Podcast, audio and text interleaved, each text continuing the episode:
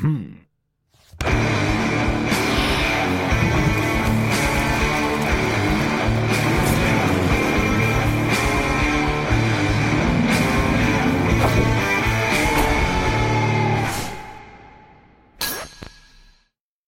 Zdravo svima, dobrodošli u još jedan Agilast podcast.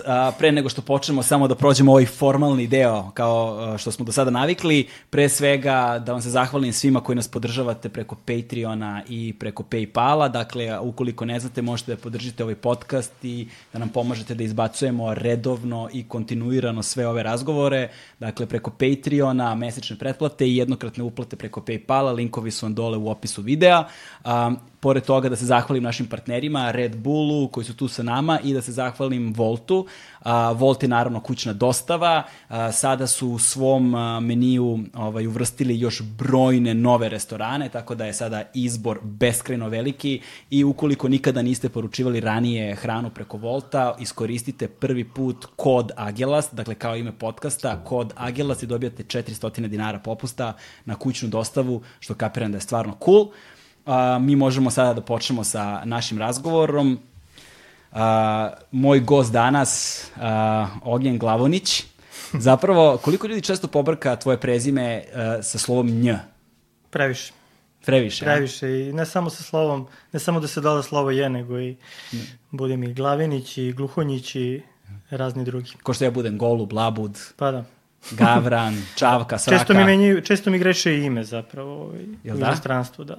Šta, kako, kako kažu u inostranstvu? Pa ne da kažu, nego napišu on, gije, nijen i tako, malo je zbunjujuće, a da, kako kažu u Francuskoj onjon i tako, u Holandiji je nemoguće, tako da... Da, da, da, da, da, pa dobro. Me, moje ime izgovaraju Galeb. ovaj, e, a, ja sam e, dosta kasno ovaj, odgledao tvoj poslednji film koji se zove Teret, a, koji za sve, za sve one koji ga nisu odgledali toplo preporučujem i trenutno ga imate na HBO Go, je li tako? Jel može još negde da se pogleda? Pa mislim da ga ima na torrentiju, možete skineti na piratskim sajtovima. da. Naravno, kao i sve ostalo između, mm. između ostalog. Um, I volio bi da razgovaramo sada o, ne samo o filmu Teret, okay. nego i celokupnom istraživačkom radu koji si ti uložio zapravo, koji je ogroman, ti si jako dugo istraživao ceo taj slučaj. I pored toga u celokupnom tvom opusu, jer postoji jedan razvojni put, jedan, jedan kontinuitet koji se koji prožima celokupno tvoje stvaralaštvo i naravno mnogim drugim stvarima je si ono sagovornik vredan svakako toga, ali kao što je običaj da počnemo razgovor uz odlomak nečega što ima veze sa a, sadržajem o kojem ćemo govoriti. Ja sam ovoga puta izabrao knjigu a, koja nije prozna, vrlo je stručna literatura zapravo, koja nosi naziv Dužnost da se odgovori. U pitanju je, uh, u pitanju je knjiga koja se bavi masovnim zločinima, poricanjem i kolektivnom odgovornošću. Stručna literatura je u pitanju, autor je Nenad Dimitrijević.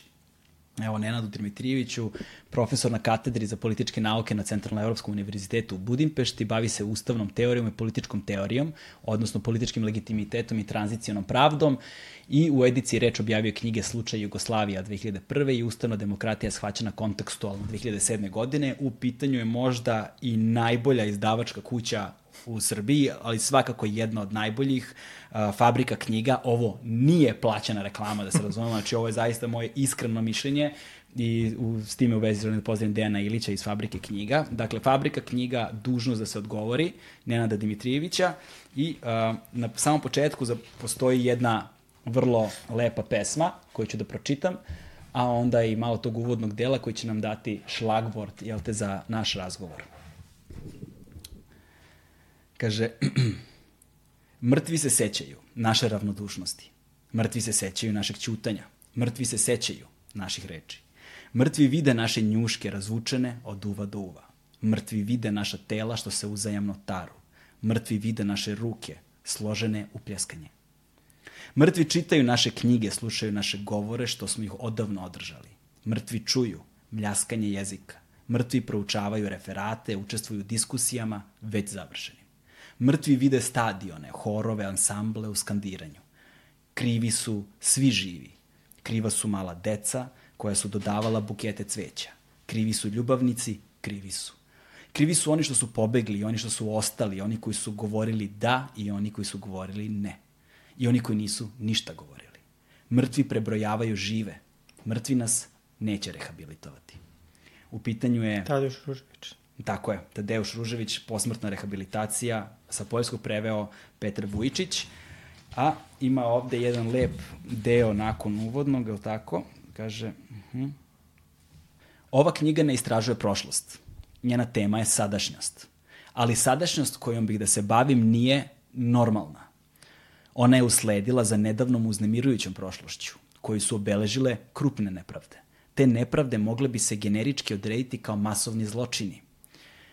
I one po pravilu obuhvataju masovna ubistva, seksualno nasilje, zlostavljanje stanovništva, proterivanje, oduzimanje i uništavanje imovine, kao i druge oblike ozbiljnog kršenja ljudskih prava i poricanja ljudskog dostojanstva. Moje glavno pitanje glasi, da li je ta prošlost bitna za postkriminalno društvo koje teži da uspostavi demokratiju? Preciznije, zanima me raspodela odgovornosti među članovima društva i društvene grupe u čije je ime zločin počinjen. Pre nego što se okrenem tim pitanjima, izložit ću sažet opis zločinačke prošlosti. Ali mi se sad nećemo baviti ovime, nego ćemo se okrenuti ka toj zločinačkoj prošlosti koju si ti zapravo obrađivao. Film Teret se bavi jednom vrlo konkretnom tematikom, ali bih voleo da ti kažeš čemu se radi. Pa znaš kako, ovaj, meni je zapravo za teret najviše smetalo to kad se film svede samo na tu jednu temu. Ovaj, a u, jav, u javnosti je nekako sveden samo na to. Mm -hmm. I mislim da si ti svestan, kada, pošto si pogledao film, da taj film je krenuo zapravo od mog saznanja o postojanju masovnih grobnica u, u Batenici, ali pošto mi je trebalo 8 ili 9 godina da napravim taj film, taj, taj scenarij se mnogo razvijao i da je ostao samo na toj temi, a to jeste tema um, ne samo postojanje ili samog zločina koji se desio, nego čutnje o njemu i e, nezainteresovanosti, ravnodušnosti da se o tome govori. To je ono što me podstaklo da dalje istražujem i da, da gnjuram u to, da, da, da ovaj, saznam što više. Nekako da je to ostalo samo na tome, ja posle godina, par godina odbijenja ne bi se nikad, ne bi se taj film, ne, ne bi taj film nikad snimio. Taj film je zapravo nastao iz, ne samo iz tog otkrića i svesti da se to desilo, e, nego i sudara svih tih priča i tih zločina koji su sakriveni od nas, sa onim čega se ja dobro sećam, sa sobstvenim iskustvom, naročito sa iskustvom tog bombardovanja i te 99. Tako da je taj teret zapravo više film koji nastao iz dodira tih nekih stvari i slika kojih se sećam i slika i priče koje su mi bile zabranjene, koje su bile sklonjene, koje su bile van naših pogleda. I zapravo mislim da svaki film, to jest svako ko se bavi ovakvim temama, mislim da to dolazi želje da se ne skrene pogled. Kad nešto saznaš ili vidiš ili čuješ, ti možeš da nastaviš da ćutiš o tome ili možeš da progovoriš o tome. Ono što je takođe bio problem sa teretom i što je u stvari, mislim, glavni problem kada se priča o ratnim zločinima i zašto to odbija mnogi ljude je zato što se uglavnom koriste neke fraze ja taj film nikad ne bih snimio da nisam našao jezik kojim ću progovoriti o tome. E, I zbog toga mi je isto žao što je taj film sveden na temu. Izostavlja se forma, izostavlja se jezik, a to je ono što komunicira s ljudima, ne, ne tema koju kada kažeš ovako ili kada pročitaš nešto što je e, istinito ili što je činjenica u glavi tog koga to pročita ili čuje može stvoriti svašta. Može stvoriti odbojnost da o tome sluša ako to ostane na tom nekom nabranju, ako razumeš. Da. I mislim da je ovaj, kao što sam rekao, glavni problem je bio da nađem i odlučio sam da napravim film kada sam našao formu, kada sam našao oblik tog filma, kada sam našao jezik kojim ću progovoriti e, ne samo o tom ratnom zločinu, nego o žrtvama i o, o ne o 99. nego o današnjici, u kom kontekstu, kad sam našao kontekst u koji ću sve te stvari smestiti. I da, ja ni, ne, ne mislim u sebi da, rekao si na početku da sam istraživo, jasno da sam mnogo dugo bavio tim, ali ne mislim da sam ja otkrio, niš, nisam ništa novo otkrio, nisam istraživački novinar. Ja sam koristio ono što je dostupno i što sam, do čega sam mogao da dođem. Um, I mislim da sam to kroz filmove pokušao da stavim u neki drugi oblik, neki, novu, neki novi jezik možda kojim se redko koji se redko koristio kada se priča o ovim temama. Pazi, svakako možemo da kažemo da u današnje vreme umetnost ima negde obavezu da bude angažovana. Ali angažovana umetnost prvenstveno mora da bude umetnost, a mm. tek posle angažovana. I sećam se sa fakulteta kada smo radili Dostojevskog i taj njegov problem Teodiceje čuveni. Dakle, kada, se, kada smo radili uh, roman Zli Dusi, jel te Stavrogina je ovo, ono, on je zapravo trebalo da bude politički komentar na okolnosti koje su se dešavale i likovi u romanu su rađeni po uzorima na stvarne istorijske likove kao što je bio Černiševski i tako dalje. Ali onda je ostao isključivo na tom planu, on bi napisao pamfletski roman koji kroz vreme ne bi imao vrednost zato što bi se izgubila njegova težina sa protokom vremena koji se bavi određenim istorijskim trenutkom, uh mhm. -huh. koji u jednom trenutku ima težinu, kasnije ovako ili onako se on tumači kroz vreme. Ali on je zapravo uspeo da se udalje od tog pamfletskog elementa i da napravi književno umetničko delo, koje je samim tim nosilo težinu koju nosi i dan danas kao klasik. Mhm. -huh. I samim time umetnička dela moraju da imaju i formu i strukturu i planove i nivoje, slojeve priče, a pored toga ne mora se svodi na jednu temu, može da ih ima mnoštvo, mm.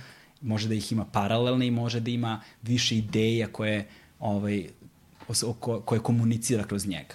Tako i tvoj film, zapravo u samom filmu Teret, mi u, u ogromnoj količini filma nemamo niti jednog jedinog trenutka govora direktno ili indirektno o onome što bi navodno trebalo da je inicijalna tema ali sad mnogo skrećemo. Da, to su, ne, ne, ne skrećemo, da. mislim, to su, to, negde si u pravu i negde u stvari, um, ja mislim da ono što se pogrešno shvate je šta je to što je politična umetnost i na koji način se ti, se ti, ti baviš politikom, mm -hmm. na primjer na filmu, uopšte na polju reprezentacije nečega, u ovom slučaju zločina. To nije izbor teme, jeste i izbor teme, jeste odabir kojim pričam ili kojim, kome ti daješ glas. Mm -hmm ali je zapravo ono što je meni glavni problem je gde, stavim, gde stavljam kameru, šta snimam. Kad god uključiš kameru ti u stvari sečeš jedan deo realnosti koji ti je bitan, sve ostalo što je oko tebe zapravo ne koristiš jer ti nije potrebno. I zapravo je glavni problem bio na koji način ja snimam likove, u kojem odnosu su ti likovi i naravno pogled šta ti moji likovi vide, E, kako, kako posmatraju određene stvari i kako to na kraju deluju, e, kako to deluje na tebe koji primaš taj film. Tako da zapravo mislim da je snaga umetnosti u tom nagoveštaju, a ne u, u nečemu što ti je skroz dato. E, nikad nisam ni želao da budem neko ko koristi film da bi ispričao samo neku priču ili da bi iskoristio tu moju povlašćenu poziciju reditelja ili pripovedača da sad nekom sudim ili da delim neku moralnu ili istorijsku lekciju da držim ili... Ili da taj film pretvorimo nešto što je vožnja, eto, uzbudljiva je tema, naš road movie, rat. Znaš, možeš to da ovaj, obradiš na razne načine. Nekako mi je bitno bilo da stvorim što veći prostor za aktivnije učešće e, publike i da negde što više pokušam da angažujem ono što je ljudsko u tebi, tvoju maštu, tvoje osjećanje, tvoje sećanje, tvoj svet, znaš, i da nekako kroz to ostavim prostor da tebe stvorim saučesnika u pričanju, jer to jeste zapravo film o saučesništvu, u kolaboraciji. I ne, mož, ne sme se završiti na tome da ja ispričam neku priču, ti čuješ i odeš kući, nego, razumeš, taj negde film treba krene nakon što ga vidiš i treba da, da se primi ili da se ne primi u tebi. I nekako da prebaci taj, što je i odgovornost i da tu odgovornost negde prebaci i na tebe. Znaš. Veoma zanimljivo da si iskoristio uh, naziv road movie, to je bukvalno nikad mi ne bi palo na pamet. Ali jeste, razumeš? Sve ću ti objasniti zašto jeste. To je, teret je prvi, mislim, ja sam pred tereta snimio dva dugo, skoro dugometra, jedan dugometražni, jedan srednjemetražni dokumentarac, mnogo kratkih filmova i sve te filmove sam snimio bez, ili, bez budžeta ili sa veoma malim budžetom.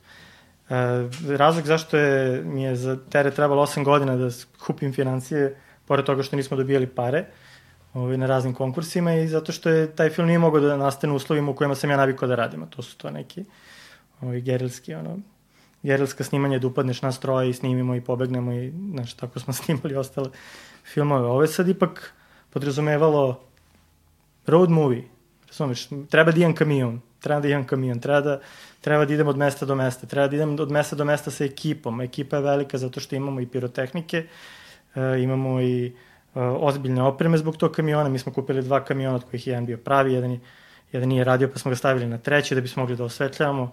Tako da to, nas, znaš, to je podrazumevalo 10 kamiona opreme ljudi i podrazumevalo je da tih 50 ljudi platiš hotel, da platiš ovaj, lokacije, da zatvaraš puteve. E, problem je bio još veći, ali to u stvari i ono, epoha. Znači, iako se dešava pre 20-21 godinu, ipak je sve promenjeno. Znaš, kola su drugačije na ulicama. Da. Znaš, morate imaš druga kola, mora si da, billboardi su svuda. Tako da stepeno ovaj, kontrole i promišljanja pre snimanja mora da bude mnogo, mnogo dublji. Pre svega nismo imali para da pravimo svoje puteve, da pravimo svoje objekte, da, razumeš, da snimamo u studiju, niti mi je to bila namera, ali nekako jeste, to jeste road movie i to negde znaš, otežava, otežava stvari. I ratni film, i film epohe, i drama, i thriller. Da, znaš, kad, kad pročitaš taj sinopsis, ono, ti misliš da je to ovaj, akcija ili thriller ili neka misterija. I jeste, mislim. Naravno da jeste, ali je način na koji sam ja to obradio, mislim da nije žanr, ne, ne zasniva se samo na ovaj, tim nekim tropima koje treba da ispoštujem da bi ono, svako ko gleda, ko gleda znači, aha, ovo znači ovo, ovo znači ovo. Znaš, da, da, Opet, nije film koji se zasniva na, na ono, atrakciji, akciji, e, obrtima e, i toj nekoj tenziji koja dolazi od spolja, koja ti dolazi od montaže, od slike, od zvuka, nemaš muziku i zvuk koji ti non stop govori šta da osjećaš, znaš, nego je ta tenzija nešto što dolazi iznutra, ne samo iznutra tog kamiona ili tog zvuka iz kamiona ili tog lika, nego i u tebe. Znaš, ti, ti ako stvoriš tu zenziju da gledaš film, ne iz straha šta će biti ili šta će se desiti, nego ipak, znaš, ako krene sa tim, ako kreneš da postavljaš neka pitanja sebi, to je onda neka, to je, to je prava, razumeš, ne samo prava tenzija, nego su i ta pitanja i te slike koje ti stvaraš gledajući slike koje sam ja stvorio, mnogo duže ostanu nego bilo koja slika koju ja stvorim. Bilo koja scena koju ja stvorim, ili glumac, ili ne znam to prođe, razumeš, ali ako ti to doprinese i pomogne da ti sam gledajući film stvoriš neke svoje slike i sklopiš priču na svoj način i postiš neka pitanja, ovaj, onda to, to ostane, mnogo, ostane duže ugravirano u tebi, ja mislim. Vrlo je zanimljiv način na koji si sada objasnio te stvari. Zato što, da, ne postoje stilsko-tipološke odrednice na osnovu kojih ćeš reći da ovo pripada ovom ili onom žanru. Zato što pripada ti određenom žanru pretpostavlja uh, a, te trope koje mm. si pominjao, koji moraju da ispune očekivanja. Ti imaš elemente tih stilsko-tipoloških odrednica, ali s druge strane imaš i ogromno iznevereno očekivanje za mm. onoga ko dolazi da vidi to. S druge strane, u tom da. postupku uh, oneobičavanja, da nazovimo tako, uh, zapravo e, eliminišeš tu automatizaciju u tumačenju. I onda teraš gledaoca da sedne i da se zapita hm, šta je ovo što zapravo gledam, zašto ovo gledam i zašto je ovo ovako. I onda se stvara taj domino efekt gde počinješ da postavljaš pitanja o svemu što vidiš ili čuješ, što te uz malo mm. sreće vodi na ispravan put. Ali ono što mi se takođe dopalo uh, jeste da si malo pre rekao nagoveštaj. Mm. Veliki deo tvog filma je u onome što nije rečeno. Ili viđeno. Ili viđeno, tako je. Ne. Što, nije, što nije rečeno ili viđeno ili što nismo čuli. Nego sada to, to je nešto što treba gledalac da zaključi sam a, i u velikoj meri u odnosu na ono šta je to šta vidi i šta zaključuje, govori o gledalcu samom kao učesniku mm. u mhm. tom umetničkom delu. A onda postoji tu još jedan aspekt kako taj film gledaju ljudi koji ne poznaju okolnosti unutar srpske savremene istorije. Dakle, kako mm. su stranci reagovali posmatrajući tvoj film. Pa ja mislim da ti kada radiš na nečemu ovaj, dosta dugo, da negde u jednom trenutku, naročito kad se baviš filmom i filmom koji će pre svega biti viđen na festivalima, um, ja sam svesan da u, u mojoj zemlji nema mesta u distribuciji, previše mesta u bioskopima i u distribuciji. Ovaj, ovako kako je sada postavljena za filmove koje ja pravim, niti na televiziji, nažalost. Tako da negde uvek razmišljaš o tome kako će taj film gledati neko ko je iz iz Mađarske, neko ko iz Kine, neko ko iz, razumeš, ovaj, iz raznih zemalja, iz raznih društava. Iz, ja da sam pravio film koji objašnjava neke stvari, pokušava da objasni zašto je došlo do sukoba, ili pokušava da objasni e, viševekovnu mržnju između Srba i Albanaca, ili pokušava da... Razumeš, to mene ne zanima, znaš, to, to, to mi nikad nije bio cilj. Jer to, to je jedna stvar, onda film, ostaješ, onda film postaje ta jedna stvar i postaje nešto što ti koristiš za distribuciju informacija i to mi je nikad nije, ni za, ni za, to, mi je, do, to, je, to je meni zapravo dosadno. To je pamfletski. To je, to da, i pamfletski, da, ali nekako mi nije, znaš, način na koji se baviš angažovanjem publike pogrešan. Ovaj,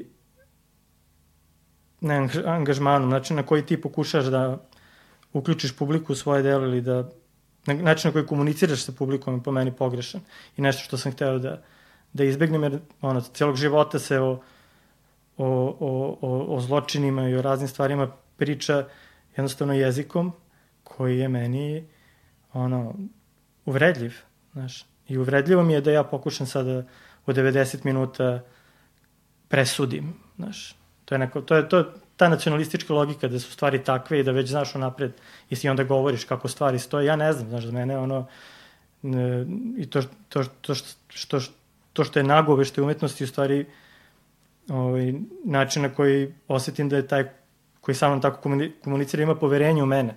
Da ima poverenje u mene toliko da ne mora da mi servira stvari i činjenice i, i istine i lekcije. Razumeš? Um, Tako da mi je tako da mi je sa ovim filmom bilo nekako bio sam svesan da razumeš, ono, imam 90 minuta, ono, imam 90 minuta i sa tim, sa, o tome razmišljam 7 godina. Kako da u tih 90 minuta iskomuniciram e, nešto što je veoma lokalno, kao što si rekao, nešto što se mnogi ljudi, čak 70% ljudi u Srbiji ne zna za taj zločin, e, ili ga i, i postoje razne teorije kako, ne, kako se doživljava taj zločin, ali napolju naravno da se niko ne seća. Niko ne zna, znaš, gomeli kritika tu piše da je to ratno Bosti, ratno Hrvatskoj, baš zato što film nije objašnjao, jednom se spomene Kosovo i to je to. Um, ali ja mislim da je u stvari, baš zato što je snaga u tom nagoštaju da taj film, nagoštaju da je taj film mnogo bolje i funkcionisao. Ti komuniciraš ljudima, ne primim film da komuniciram sa Srbima ili Amerikancima, znaš. Ti komuniciraš sa onim što je ljudsko u ljudima. Ja mislim da kada napraviš film koji je u čutnji, u kojem nema mnogo dijaloga, u kojem nema mnogo muzike, da svako ko taj, gleda taj film nekako to poveže sa čutnjom u sobstvenoj sredini ili u sobstvenom životu ili sobstvenoj državi, sobstvenoj istoriji istoriji svojeg, svog rada, svog društva, svoje države. Ili tako istoriji da, sećanja. Ili, da, da, tako da, tako da s te strane mislim da je, i to znam jer sam bio ono, na turneji sa filmom i čuo sam, ono, imao sam razgovore posle filma sa, sa, mnogo, ovaj, sa mnogo ljudi i, i preko kritika koje, koje su pisane, tako da vidim da u stvari film funkcioniše jer je ostavio taj prostor da, da, da ljudi to povežu sa sobom i da nekako u, u sebi m, artikulišu neke, neke misli i neka pitanja koji su imali, a možda, možda se njima nisu bavili. U tim nagoveštajima koje si pominjao, da samo još malo dotaknemo taj deo, pa ćemo da se vratimo korak unazad mm -hmm. i da mhm. pričamo o nekim konkretnim stvarima za one kojima, kojima je možda malo teže da prate. Da, pa ako niste gledali film, da, možda je. Da. da, malo je teže, ali ćemo pomenuti te neke neuralgične tačke koje bi trebalo da budu okosnice mm -hmm. a, razumevanja našeg razgovora. Dakle, u tim nagoveštajima ima jedan u, u, u, u strahu da zvučim pretenciozno, ovaj, ali ima taj jedan veoma lepi deo uh, a, gde je Šekspir u, u snu letnje noći, u taj, to je taj a, a, prva, prva scena petog čina, a, kada, kada daje tu apologiju pesništvu, gde govori o tome kad se oko kreće od zemlje ka nebu i nazad i govori o tome što se naziva u prevodu vazdušasto ništa, što je nazivao airy nothing, odnosno kako govorimo o onome što je neizrecivo, o onome što ne može da se iskaže rečima, o onome što ukoliko pokušamo direktno i plastično da prikažemo na taj način ga banalizujemo, trivializujemo ga, kako onda da kažemo to nešto, a da ne pomenemo to nešto. Kako da opišemo taj krug i da ograničimo mhm. prazan prostor koji je slobodan za tumačenje. Ti imaš mnogo tog praznog hoda koji je otvoren za tumačenje, ali na koji način si kontrolisao prazan prostor za tumačenje, da kontrolišeš šta je to dokle može da se ode u tumačenju. Pa znaš, Šekspir nije znao da film postoji. Znaš, Da. Nije znao da će film da postoji. Mislim da je film upravo to. Način na koji ti oblikuješ vreme, način na koji ti oblikuješ nešto što je... Ovaj, znači, ti pričaš, ti pričaš, ne da pričaš, nego ti, um, barem ja, um, moj stav je da ja filmom želim tebe da odvedem na neko mesto. Znači, nije, ne želim da ti ispričam priču, ne želim da ti Razumeš, nije ta priča je tu, tu je kičma, to je kost, ali ovo sve što je oko toga je ono što je, što je bitnije. I sad, e, nekako, sve što je oblik filma, sve što je forma, sve što je trajanje, sve što su, e, što je ritam, služi da tebe odvede na neko mesto na kojem će e, ti moći da odreaguješ na više stvari. Sad ti to možeš da uradiš tako što ćeš film pretrpati sa raznim ono, simbolima, raznim uh, atraktivnim, ne znam, montažnim rezovima, sa tim što ćeš imati muziku koja ti kroz ceo film govori kako treba da se osjećaš i šta treba da misliš. Ili možeš, kao neki autori koje ja volim, da jednostavno komuniciraš na način da veruješ čoveku. Da veruješ da on može sam da, razumeš, skapira neke stvari. A ne, ne tako što će pažljivo pratiti ono što ti imaš da kažeš. Jer ti, opet kažem, veoma pažljivo, bar, veoma pažljivo je svaka, ono, svaki kadar traje toliko, jer sam ja to tako mislio, razumeš, svaki, svaki detalj je tu jer sam ja želao da bude tu. Neko to ne, ne prihvati, neko to ne primeti, nije ni bitno, ostaju druge stvari. E, ali način na koji to radiš je da, bar, o, ovaj, da, da sve stvari koje su u filmu, a imaš mnogo nivoa, negde moraju da komuniciraju jedna, i taj, ti nivoji moraju da komu- komuniciraju između sebe. Dakle, ako imamo tu priču, imamo, imamo nešto što je imamo stvaran zločin, imamo nešto što se desilo, imamo nešto što već stvara neko očekivanja kod ljudi koji će taj film gledati, e, priču koja je možda poznata ljudima, e, imamo nešto što je e, način na koji će glumci u filmu da glume, kako će oni da, kako ćeš raditi sa glumcima, da li će oni biti neko ko e, razumeš, reaguje na to što se dešava oko njih ili, ili su oni stvari svesni gde su i ponašaju se na način na koji se ponašaju. To je jedna od zamerki filmu, razumeš, da zašto, zašto nema više drame, zašto nema više e, reakcija, znaš. Mm -hmm. e, meni smeta kada ja u filmu vidim da ljudi komentarišu radnju u kojoj su. Jer ja mislim da ti kad ideš kroz život, ti u stvari, razumeš, ti si svestan stvarnosti oko sebe i, i, ono, e, situaciju u kojoj si, nema potrebe da sa njim pričaš ili sa kolegom da pričaš, e, mi smo u ratu, e, znaš, ja prevozim ovo, e, znaš, da. pričao sam malo pre sa ženom, e, gde si ženo kad se javiš na telefon, znaš, nego kažeš zdravo, razumiješ, ili kažeš već nešto drugo. Tako da sve te neke stvari su podrazumevale da ja skidam slojeve sa scenarija, iz glume, iz kadrova koje snimam, birao sam lokacije, na osnovu tog birao sam lokacije, jer ja nisam znao napred kako ću ja, nisam imao knjigu snimanja, imao sam knjigu snimanja za par scena ali sam hteo da samim scenarijom stvorim prostor da na snimanju stvorim nešto. Znači da ne dođem na set i da snimim, da filmujem scenariju, nego dođem na set i da pustim taj svet u sebe, da to što je tu tada pustim u svoj film, da pustim taj život u svoj film, a ne da to bude nešto što ću ja sad potpuno napraviti nišeg. I zato je taj vazduh ili sve to što je tu dobilo mnogo više prostora u filmu, jer nekako ja radim na taj način, neko ne radi. Meni je taj Meni je taj scenarij prvi nivo pravljanja filma. Biranje glumaca drugi, set, lokacija treći, set, kad dođeš na snimanje, to je neki već peti nivo pravljanja filma. Montaža je neki novi nivo pravljanja. Znači, kad praviš zvuk, pa praviš zvuk tog kamiona u filmu, to je novi, to ti je novi scenarij, to je nov... Menjaš priču, razumeš, menjaš to kako će neko da, to da doživi. I mislim, kada kreneš tako kako će te stvari da komuniciraju, nekako i dođeš do nekih barem sam ja tako pisao, kao neke male matematičke formule, znači šta će ovi detalj da znači u ovom trenutku u filmu, šta će znači u ovom, šta će da znači ova replika ovde, šta ovde. Imao sam mnogo vremena, razumeš, 7 godina sam. I obično nemaš toliko vremena da se time baviš, razumeš. Ali ja sam ono, ja sam kako, ovaj, previše od, tog, od te priče, od tog filma, previše sam što sam negde i hteo, ali nisam da će toliko to trajati, da će mi trajati toliko vremena. Sve sam više ubacivo stvari koji su meni bitne, morao sam od tog filma da napravim nešto moje, nešto o meni, da, ovaj, morao sam da napravim nešto moje da bi izdržao sa njim, znači, da, da ga ne bi batalio posle pet godina odbijenja.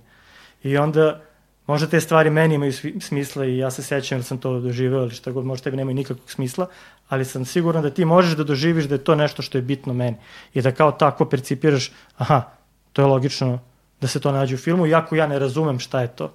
Iako ja ne znam šta znači onaj zvuk ili ona slika ili prazan prostor ili negde, ako sam ako od filma napravio to neko mesto u kojem vre, važi ta logika, mislim da ćeš lako doživjeti sve. Sad ima ljudi koji ne, ne pristaju na tu vrstu ritma, na, na tu vrstu komuniciranja i koji su u fazonu šta je ovo, ništa se ne dešava, sad ne, i to je okej. Okay.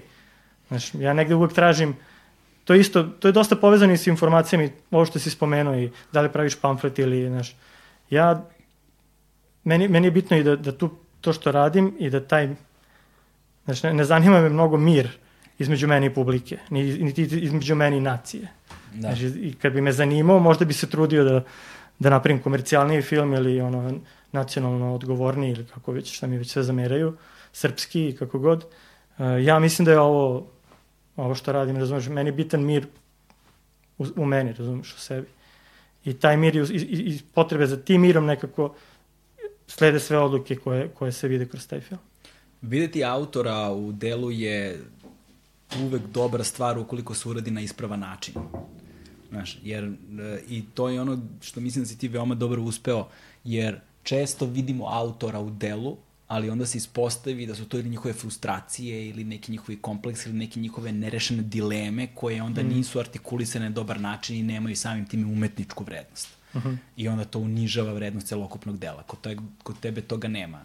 Način na koji se vidi autor u filmu je prvenstveno smerom i u drugo stvar aktivno učestvuje u kreiranju dinamike celog filma.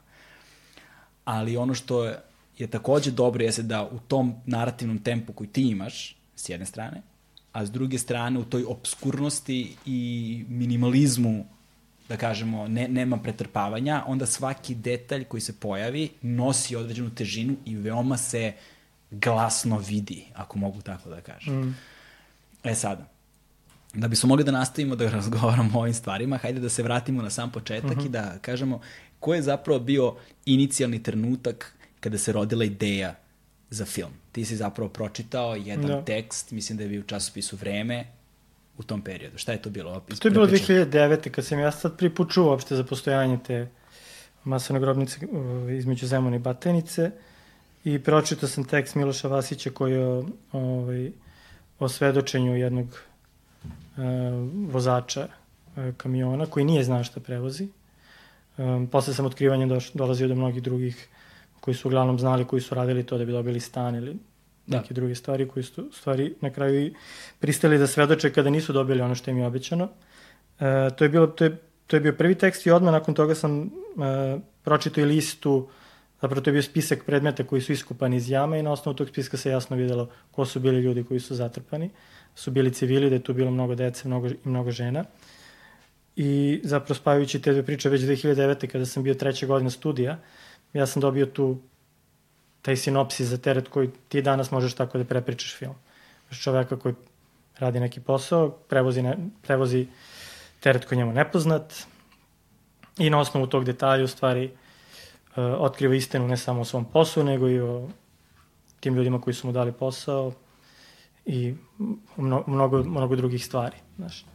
Tako da mi, eto, to je bila polazna, polazna ideja, imao sam tad želio da to napravim kao kratki film na fakultetu, međutim shvatio sam da je nemoguće, zbog budžeta i zbog nekog, možda nisam, verujem, ne bi to moglo da bude film od 15 minuta i ne, nisam tada ni bio siguran u sebe da to mogu da izvedem. I zapravo sam to, pokušao sam u stvari tada da saznam više stvari o svemu tome i shvatio sam da ni profesori, ni, ni moji roditelji, ni moji prijatelji, ne znaju ništa o tom zločinu i to odsustvo znanja i to odsustvo radoznalosti u stvari ono što me negde guralo da, da istražim i da shvatim ono, da vid, prvo i, i sam sam bio skeptičan, znaš, zašto, zašto bi neko to radio, da li se to desilo, da li, znaš, ali onda kako više otkriješ i kako više slušaš te, te, te transkripte sa, sa, sa suđenja, a suđenje su se vodile i u Hagu i u Beogradu, i dostupna su, ja sam to u stvari sve preko interneta i nalazio. E, mislim, shvatiš neke stvari da, da jednostavno nije pravo pitanje da li se to desilo i kako se to desilo i znaš, shvatio sam da ne treba pravim film koji je to, znaš, koji treba da se jer je to opet veoma uvredljivo, znaš, da, da ti negde pokušaš da objasniš ili da, da, da, da praviš film da bi neku stvar, da bi napravio kao lažni dokument, razumeš?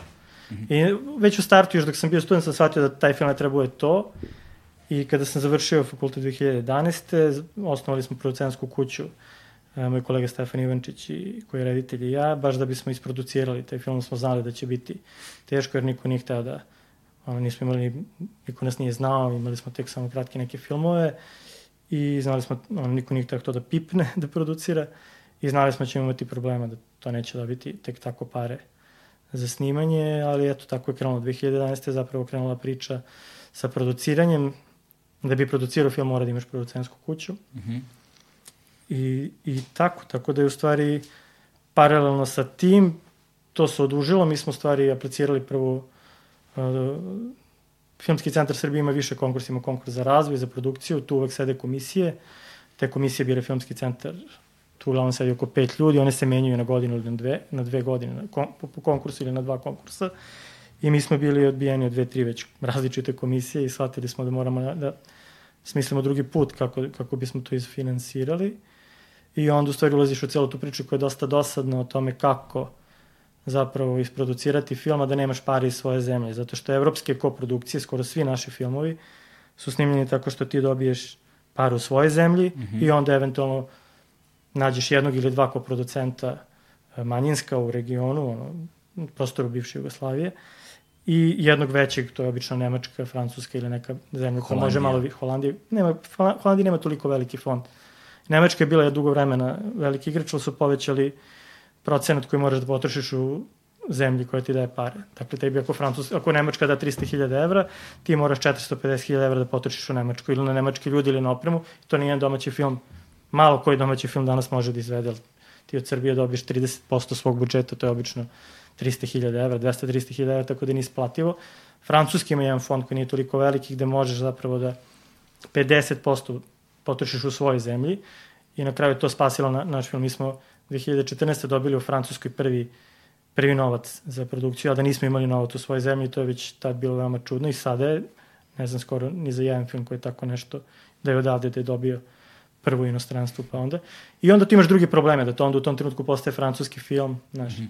onda smo mi kao produ, srpski producent krenuli da tražimo od mnogo manjih fondova, manje para, jer svaki novac koji ti kao srpski producent dobiješ na tim manjim, od manjih fondova računaju se kao tvoje pare. Da. I onda je to trajalo i trajalo i trajalo, ali umeđu vremenu da se ne bi bavio samo produkcijom i pičovanjem na marketima i putovanjima na festivala da ja kao pokušam da nađem zainteresovane producente koji će ući sa mnom u tu priču koja će možda trajati dve godine, možda pet godina, ne znam da li će se film na kraju snimiti, a to je ozbiljan rad.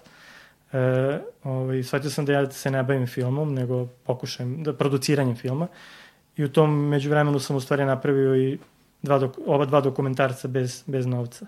To su Živan pravi punk festival i to je u stvari Dubina 2 koja je nastala iz tog materijala, iz istraživanja za teret koji nisam hteo da ubacim u scenariju koji je bio tako ovaj, jednostavno jedan dan u životu tog jednog čoveka u okviru cijele te situacije.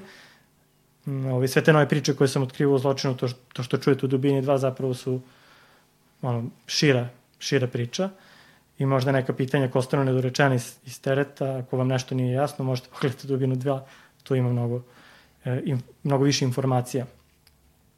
Ali to je u stvari isto nastalo iz želje da se, pre svega da se bavim filmom, da stvaram, a ne da produciram. I, da, i nastalo je kada sam shvatio da se možda teret nikad neće snimiti, znaš. Posle pet godina u jednom trenutku si... Znaš, da li ovo smisla? I dobra stvar je da smo, kao i Živana, kao i sve moje filme, radio sam sa prijateljima.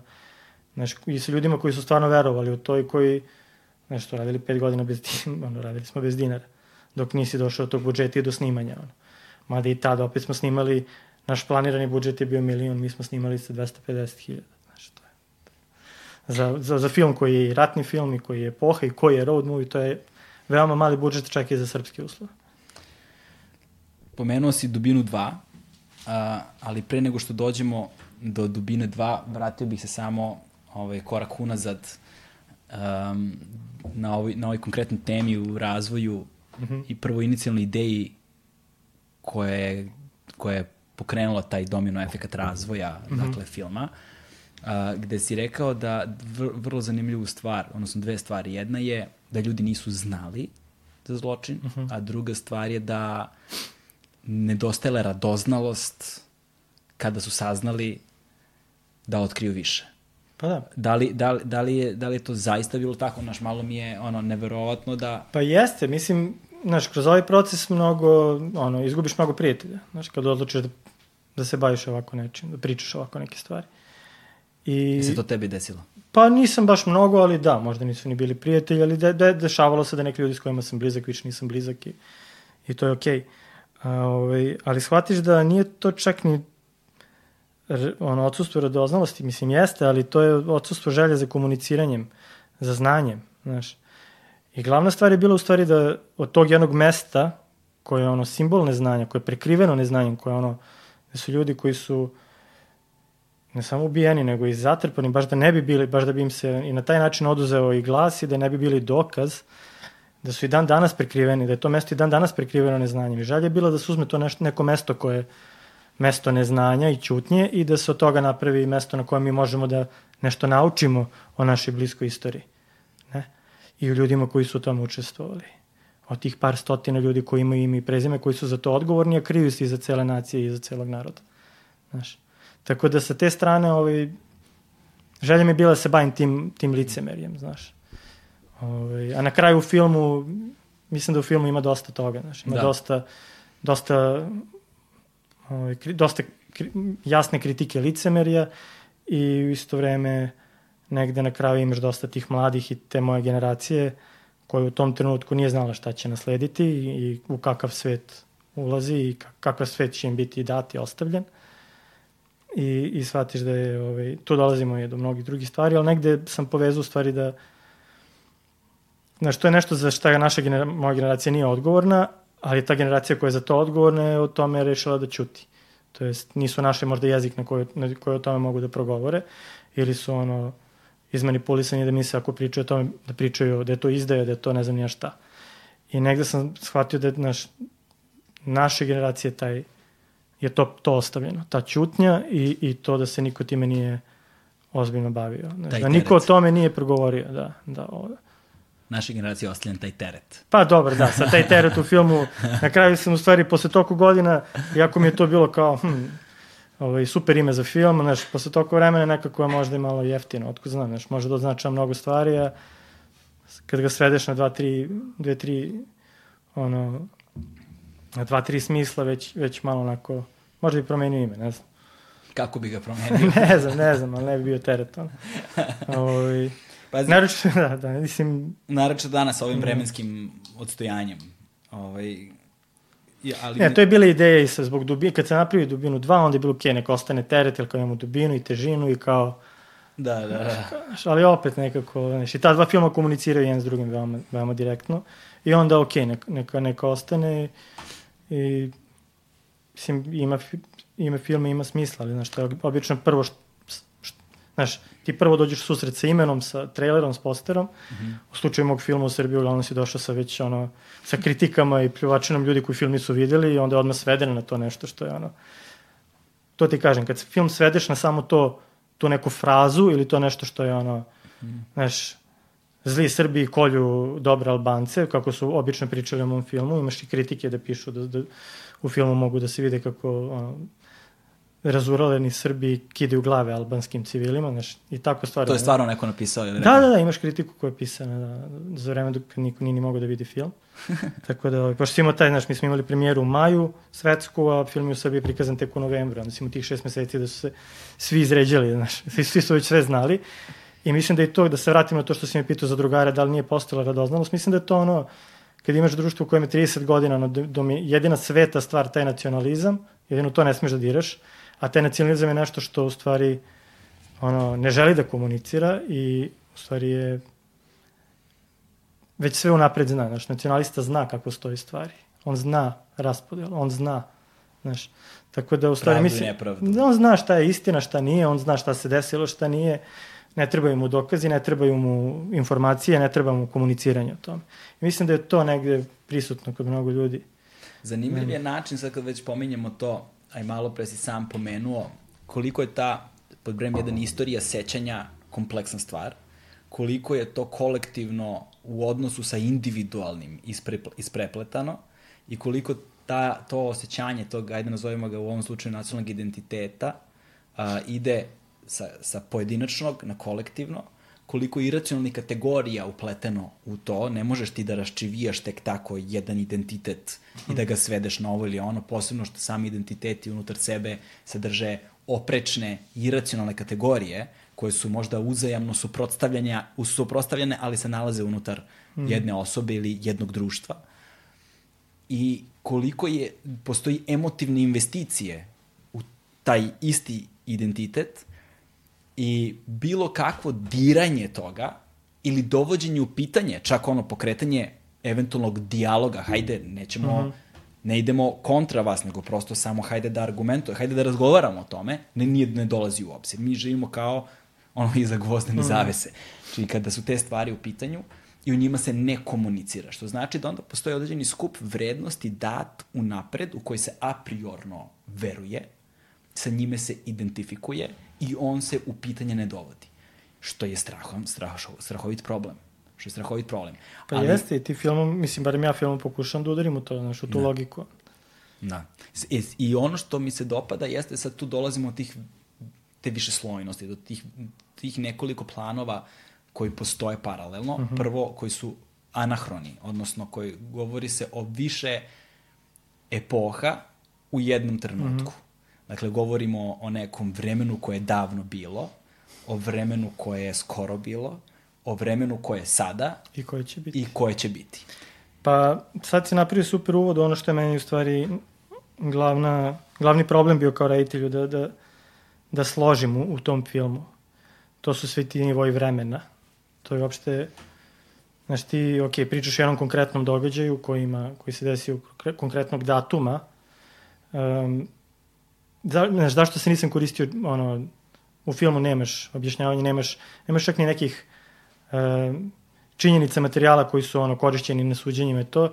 Inače su te naši ratovi, to je Jugosla, ratovi Jugoslavije naj ono dokumentovaniji ratovi ikad, razumeš i to kada, kada shvatiš da i pored svih tih dokumenta ti dalje imaš toliko spinovanja i manipulacije, to je ono što je čudno, ali ovaj, so, glavna stvar je bila da mi pratimo, da sam shvatio I to je u stvari bila glav, stvar koja je rešila taj film. Da to nije film samo čoveku kojeg, kojeg pratimo ono, na njegovom novom poslu, da, da ovaj, on otkriva istinu i ovaj, o, o svom poslu i svojoj zemlji, bla, bla, bla. I, nego, znaš, šta će uraditi s tom istinom? Gde ćeš sa tom istinom? Gde možeš sa tom istinom? Šta s njom? I to je negde isto situacija u kojoj sam ja bio. I onda sam u stvari vremenom kada sam shvatio, to nije samo priča o tom jednom čoveku koji je generacija naših roditelja, kada sam sve više i više ubacio moje sećanja, moje strahove, moje snove iz tog perioda, znači 14 godina, ono, bombardovanje. Uh, shvatio sam, to ne sme bude film u kojem je taj rat nešto što je ono dominantno nad svim, ali moj život, u mom životu za vreme bombardovanja to bombardovanje je bilo jedna stvar, ali ja se jednako jako sećam i, i muzike, i zaljubljivanja u, u, u muziku i bilo mi jednako bitno, razumeš, kao i to bombardovanje. Jednako je to sećanje ostalo na to. I negde sam shvatio da, da u tom filmu mora da imam više tih stvari i u jednom trenutku shvatiš, ok, to je film o tome šta je ta jedna generacija ostavila drugoj, tim, tim klincima, to je s nama. I onda sam shvatio, ok, ali šta je ta generacija nasledila? I onda sam ubacio stvari ko je otac mog lika, neko je njegov, njegov, njegov dete znam, to sam ja, ali ko je otac tog lika? Ja sam povezio isto sa svojim dedom, razumeš, koji je ono, uh, bio da narodno-slobodilačke borbe.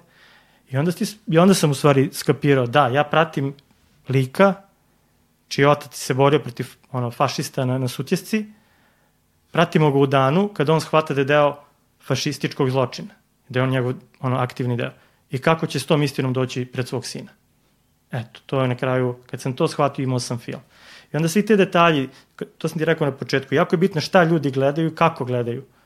Ove, ovaj, kako moji likovi gledaju određene stvari. Zato imaš tih nekih prenošenja te kasete koja je postala veoma bitna, prvo upaljača, onda kasete. Šta znači taj upaljač za glavnog lika? Šta znači ta Jugoslavija i te vrednosti sutjeska za glavnog lika? A šta znači za one klince koji to ukradu i ne znaju, a sede bukvalno u, spomeniku? Ne znaju sad, ali će znati. I ceo film u stvari u tom vremenu koje je potrebno da vidiš neke stvari, da neke stvari postanu vidljive i ono neoborive.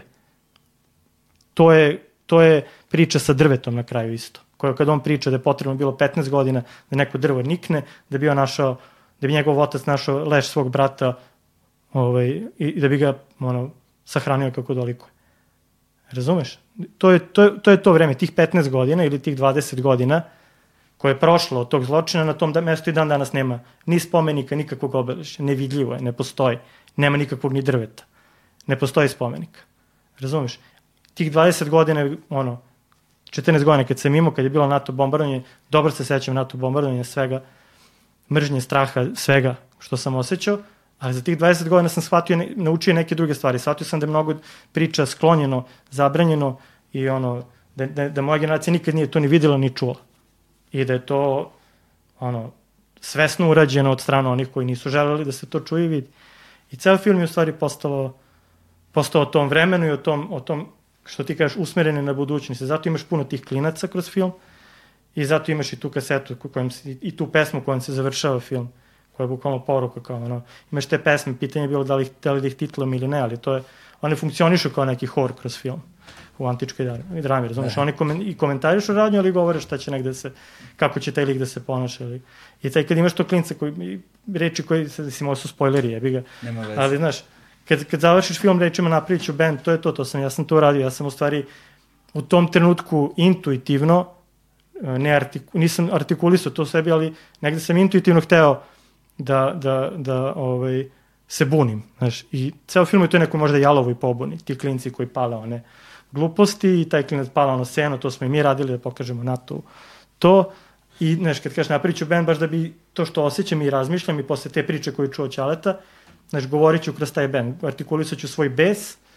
i, i svoje misli na taj način, razumeš?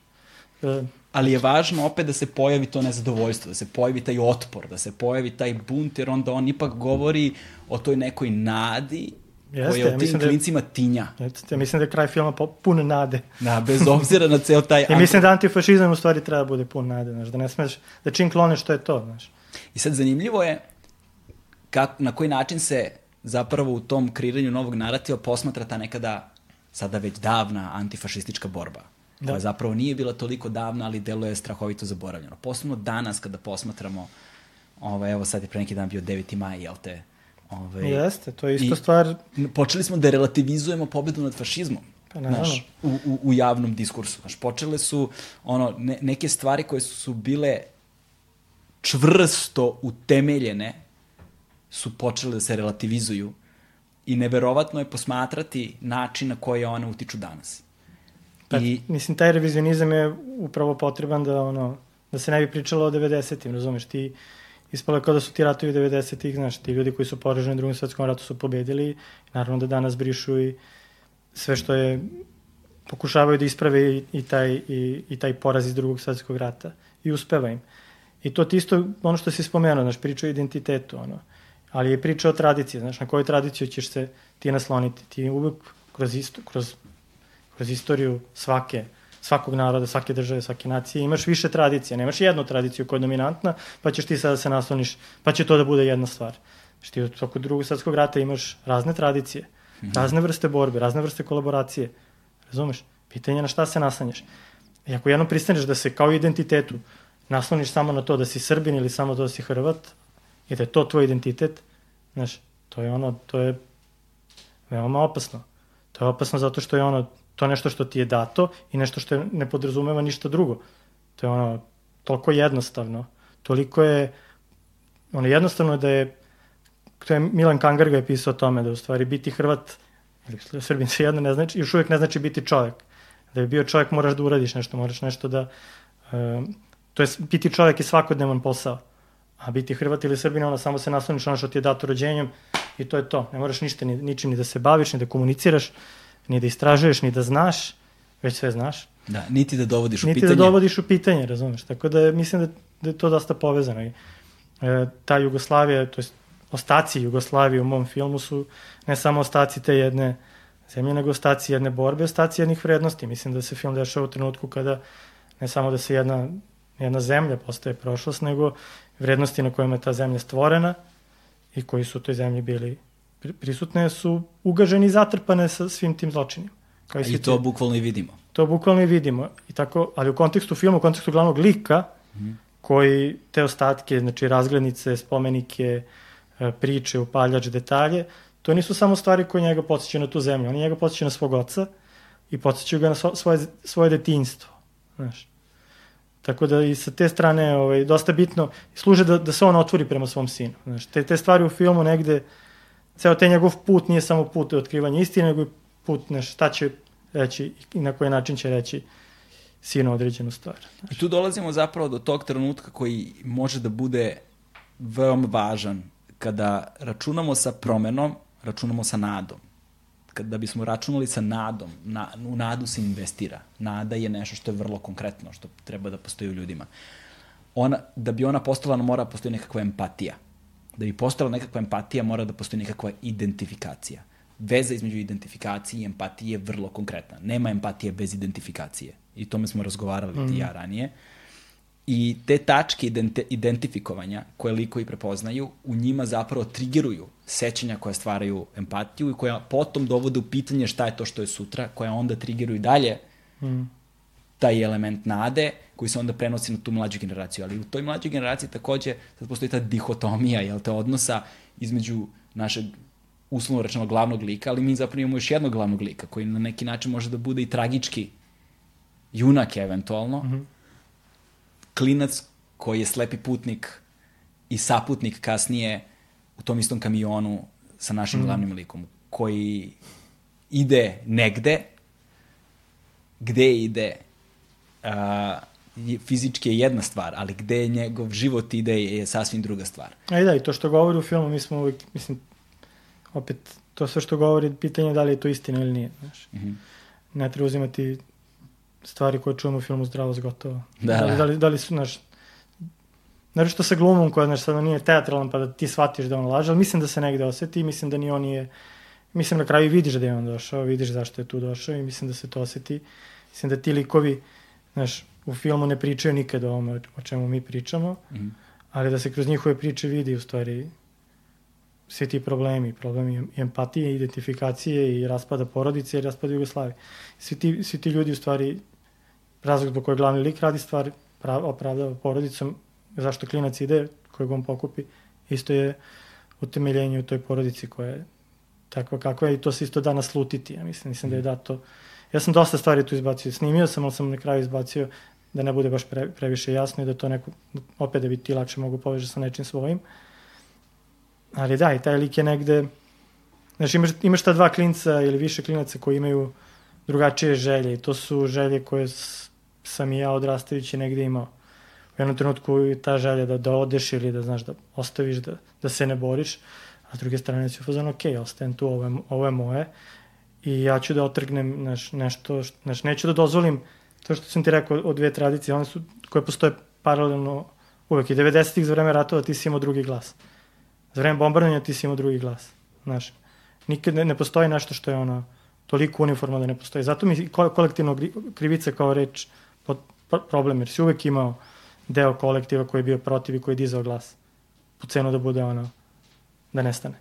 Tako da, znaš, kad imaš, kad imaš likove mm -hmm. u filmu, ja nekako i tako razmišljam i mislim da to svi imamo u sebi. Imaš porive ili ono, želje da iz neke situacije ili nekog mesta ili ove zemlje odeš, pobegneš, a u jednom trenutku shvatiš, okay, sve to zbog čega ja želim da odem je sve te dobre stvari koje mislim da su ovde je kidnapovao neko drugi. Znaš, možda je moć i oružje njihovim rukama sad, ali ako ću da se borim, znaš, moram da ostanem i da govorim i da se borim. Da otrgnem iz njihovih, znaš, da otrgnem iz njihovih ruku i pojmove i istinu o, o određenim fenomenima i stvarima i ličnostima, Svetom Savi, o Gavrilu principu. Znaš, tako da to mi je, to mi je, to sad razmišljamo o sledećem filmu, razumeš? Aha. Mislim da su sve te neke i likovi i istorijski događaji da su potpuno, da se i kroz taj revizionizam ne samo nekih već poznatih stvari, nego i kroz likove i kroz razne stvari koje oni, za ko, koji su, o kojima su oni sami govorili ili da se bukvalno kidnapuju i spinuju na drugačiji način i sad ti možda se povučiš i da kažeš ok, ova struja je pobedila, ona tumači moju istoriju na način koji je potpuno pogrešan, znaš, Da, Gavrilo Princip je tu vrlo zanimljiv lik, da. baš eto, posljednja dva podcasta se nekako provuklo njegovo ime, ovaj, posebno u razgovoru sa Igorom Štiksom kad smo govorili o tome kako je svaka vlast kroz vreme, kroz promene lik i delo Gabriela Principa tomačila prema, na svoj način, kako je njima odgovaralo, eliminišući elemente njegove ličnosti koji im nisu odgovarali u datom narativu u tom trenutku. Ali da ne zaboravim... Kao što je jugoslovenstvo. Da, kao što je znači, jugoslovenstvo. Znači, to ti je ono... Zašto se danas... Uh, znaš, ti danas pričaš o, toliko o bombardovanju, baš da ne pričaš o Batenici, slično i s drugim svetskim ratom. Što toliko pričaš o, o, o ne znam, izjednačavaš četnike i razumeš, ono, re, taj revizionizam i služi da ne, bi, služi da ne bi pričao onome što je, što je stvarno bilo vredno. Da. Znaš, ti nekako... Ali zanimljivo to, je... To je ono što sam ti rekao i u filmu, razumeš? Dešava se u trenutku kada neke vrednosti prestaju da gube smisla. Znaš, kada neke vrednosti budu, bivaju kidnapovane.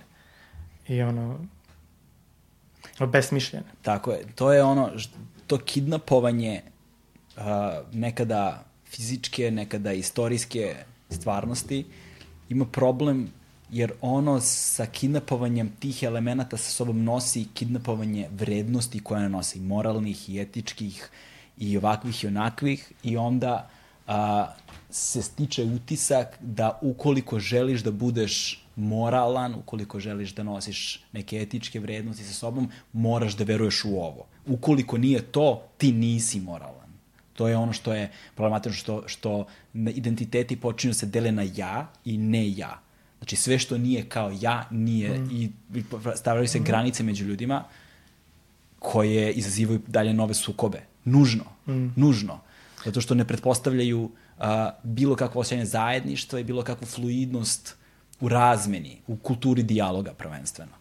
E, pa da, zato što znaš, moć, a ne, ne činjenice čine stvari stvarnima, istinitim. E, sad... Razumeš, a ne, tako da tem, tih manipulacije zavisi od onoga ko, ko ima moć, ko drži oružje. To ti je ovaj, da se vratim samo na spomenik u mm -hmm. filmu gde taj Koji spomenik? Oni na početku filma. Popina, da, e, da. da. Koji je oblik Nišana, to je spomenik Bogdana Bogdanovića. Na tom spomeniku je napisano i to je opet način na koji sam želeo da koristim spomenike u filmu je da ih e, ne kidnapujem, to je da, ih, da im ne kastriram ono, ideološki ono, preznak je da im ne kastriram suštinu znaš, kome su oni dignuti i šta je bilo na tom mestu, ko je tu izginuo, za koga, zašto i na tom spomeniku piše kad zatreba ponovi me. Znaš, tako da ti spomenici ovaj, um, revolucije jugoslovenski nisu dizani za samo predstavljaju komemoraciju znaš, da, da, A... žrtvama, nego da upozore nove generacije, da upozore tog mog glavnog lika. Da kada fašizam zakuca opet na vrata, kad se fašizam vrati, opet ćeš morati da uzmeš ono oruđe. A kuca na vrata, boga mi. A kuca, da. A I vrlo... to ovi klinci ne vide, ali će znati. Znaš, ti klinci koji su u spomeniku kažu ne znam. A vrlo je zanimljivo da ga vidimo u tutu kad se dešava krađa. da, da, da. E. Ali i ta krađa isto, razumeš. Znaš, negde mi je bilo bitno da idem sve te likove koji imaju svoje tajne i koji se bave stvarima koje nemaju veze s bombardovanjem. Znaš, svi ti klinci imaju neke svoje. Da. Znaš, ovaj krad, dezodoran se ovaj radi ovo, znaš, nekako mi je bitno da imaju svoj svet i život, da ne koristim te ono, sporedne likove kao neki Mislim, to je isto politički, politička odluka u filmu. Znaš. Svaka odluka je politička. Svaka odluka jeste, ali znaš, kako je... Znaš, da ne koristiš te sporedne likove samo kao opis ono, glavnog lika i da sad su oni tu samo kao neki objekat. To je ono što je ljudima znaš. teško da razumeju danas, a to je da ne postoji apolitičnost kao takva. A političnost je ver, vrlo verovatno naj, ono, politička odluka par excellence. I ne postoji uh, osoba bez ideologije. Neko ka kaže, ja nisam ono, ne, ne pripadam ni jednoj ideologiji, to znači da pripadaš ideologiji nemanja ideologije. Dakle, uh, biti uh, isključen iz ideološkog i političkog domena života je nemoguće. Dakle, sve u tvom životu, nažalost ili na sreću, ima mm. političku i ideološku dimenziju. Znao ti to ili ne. E sada, vrlo je zanimljivo to što si pomenuo u vezi sa to, tim sećanjima. Kada si rekao 99. godina i da je pored bombardovanja, pored svega što je bilo. Mislim, atmosfera filma je genijalna tu. Mene je odmah na početku tako vratila u tu 99. kad sam ja bio ono na pragu punoletstva i, i sećam se tih letaka koji su, kad sam video te letke, gospode, kad sam video, to me je tako, takav flashback sam imao, pa onda taj PVO koji puca, pa sve. I tad sam shvatio koliko lako zaboravljamo koliko lako zaboravljamo, kao što kaže, ne sećam se oko čega smo se svađa, svađali, ali pamtim kako sam se osjećao. Da. Znaš, vratilo me nazad u to, tu emociju. Ona je ostala spržena i, i, i evocirana je vrlo, vrlo jednostavno. I setio sam se odmah a, jedne tribine na kojoj sam učestvovao a, pre izvesnog broja godina u Kraljevu. A, pozdrav za ekipu iz Kraljeva koja je organizovala tu tribinu, sa Teofilom Pančićem sam bio tamo. Oni su radili mali dokumentarni film uh, koji se bavi istorijom sećanja. Šta su radili? Radili su jedan vrlo zanimljiv eksperiment. A, cimali su ogroman broj ljudi, ne znam, nekoliko hiljada ljudi mislim da su pronašli, najrazličitijih, ono, i od muškaraca, žena, svih, svih starostnih dobi uzrasta najrazličitih, najrazličitih klasnih i obrazovnih profila i pitali su ih o sećanjima ili naučenim sećanjima a, na neuralgične tačke u savremenoj prošlosti a, sa ovih prostora. Dakle, uzimali su ljudi sa Kosova, iz Bosne, iz Hrvatske, iz Srbije, ovako i onako. I pitali su ih gde su oni bili u tačno u trenutku kada su se desile neke stvari. Kada je počelo racepa, kada, ono, ra, rasturanje Jugoslavije, kada, kada je bio 24. mart 99. Gde si bio tačno kad se oglasila vazdušna opasnost, mm. sirena za vazdušnu opasnost? Koje je tvoje sećanje na to? I shvatili su da ili koje, koje si sećanje naučio, odnosno ukoliko si suviše mlada osoba da pamtiš ili da nisi bila ni rođena tada, šta je to što znaš, na koji način ti misliš da se šta ti misliš da se tu desilo taj dan. I vrlo je zanimljivo što je se uzorak povećavao i širio, kaže su primetili jednu tendenciju koja ih iznadila, koju nisu očekivali. A to je da su ljudi, što je smo išli dalje u prošlost, sve više su njihova lična sećanja počela da blede, a sve više se pokazivalo kolektivno sećanje iz novinskih naslova. I onda kada su ljudi pitali gde si bio, ne znam, 24. marta 99. šta se tad dešavalo, oni su počeli da citiraju praktično ono što je sad već u veliko dominantan narativ, gde oni se zapravo ne sećaju, ne znam, neko kaže, sa, ne znam, sa cegerima na pijaci u tom trenutku ili šta god, vrlo mali broj ljudi se zapravo seća gde su oni fizički bili u tom trenutku i kako su se oni tad osjećali. Velika većina se samo seća i ponavlja ono što je bilo u novinskim naslovima. I ta istorija sećanja i gubljenja ličnih sećanja je zapravo vrlo zanimljiva stvar a ti si nju nekako uspeo da gurneš u prvi plan da zapravo bez obzira na te velike narative glavne, mi imamo i svoje živote koji se dešavaju istovremeno. I, I dok se to dešava, mi smo i dalje ljudi. I dalje smo sposobni da osjećamo, bez obzira na to kakva je okolnost oko nas, i ljubav, i sreću, i radost, i tugu, i snađenje, i doživljavali smo sve i svašta. Moj sin, ja se sećam te 99. Mm. Znaš, imao sam ono, 18 godina, čoveče, ludi smo bili, znaš, čega je tu bilo? Znaš, taj jedan 18-godišnjak možda yeah. radi, čoveče, znaš. Tako da, nije nas sprečilo to da se u veliku, da, da nije nas to sprečavalo da se zabavljamo kada je bilo potrebe za tim. Pa jeste, znači, nekako kad kad praviš film koji se dešava to specifičnog datuma, u specifično vreme, svestan si da će to gledati neko ko nije to preživeo na te, tebe ću raditi, razumeš, da si ti to preživao i vratit će te možda, ne, evocirat ćeš neke stvari koje si doživao, ali negde uvijek razmišljaš tome kako će to gledati neko za, za 50 godina, znaš, ako preživi film, ako, ako, se, da. ako preživi svet.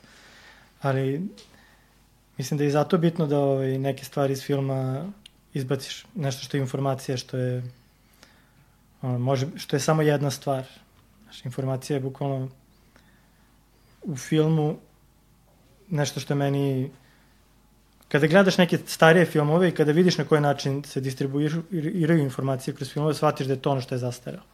A možda imaš film koji je ono, nemi film u kojem se ništa ne izgovori, koji je potpuno ovaj, savremeni, potpuno je ovaj, nisti način delo na tebe kao što je delovao i tad. I bare mene tako, ovaj, me, to razmišljanje o, o tome kako će tvoje, tvoje telo biti percipirano ne samo za 50 godina, nego i drugim zemljama, shvatiš da ne treba da, da ono, ono što ti rekao na početku, da, da, da, da svog filma pretvoriš tu neku istorijsku lekciju ili, da. ili onda to time, spada, ono, time upadaš u mnoge zamke, ono, mnoge probleme. A to kako, šta klinci znaju, ono, i šta, šta nove generacije uče, to je uvek, ono, zavisi od onih... Kao i ja sa filmom, znaš, ja mogu, sve to što, što ja govorim i što radim, to je na nekoj margini, znaš, to, je, to nije nešto što se radi u institucijama ili nešto što sam ja čuo da. u institucijama, u školi, znaš, nego to je ono istovremeno i to, i, i blasfemija, i pobuna, i kriki, razumeš, svašta. I sad ja, ali i dalje sam svestan da ja pravim samo municiju, razumeš, da, da oružje nije u mojim rukama. E, da nije, znaš, da taj film televizija neće prikaže, znaš što je bilo mnogo delotvornije, mnogo, ono, tad bi tek u stvari osetio da li je to, znaš do koga je to sve došlo, da li imalo nek, da, osti bi neku promenu.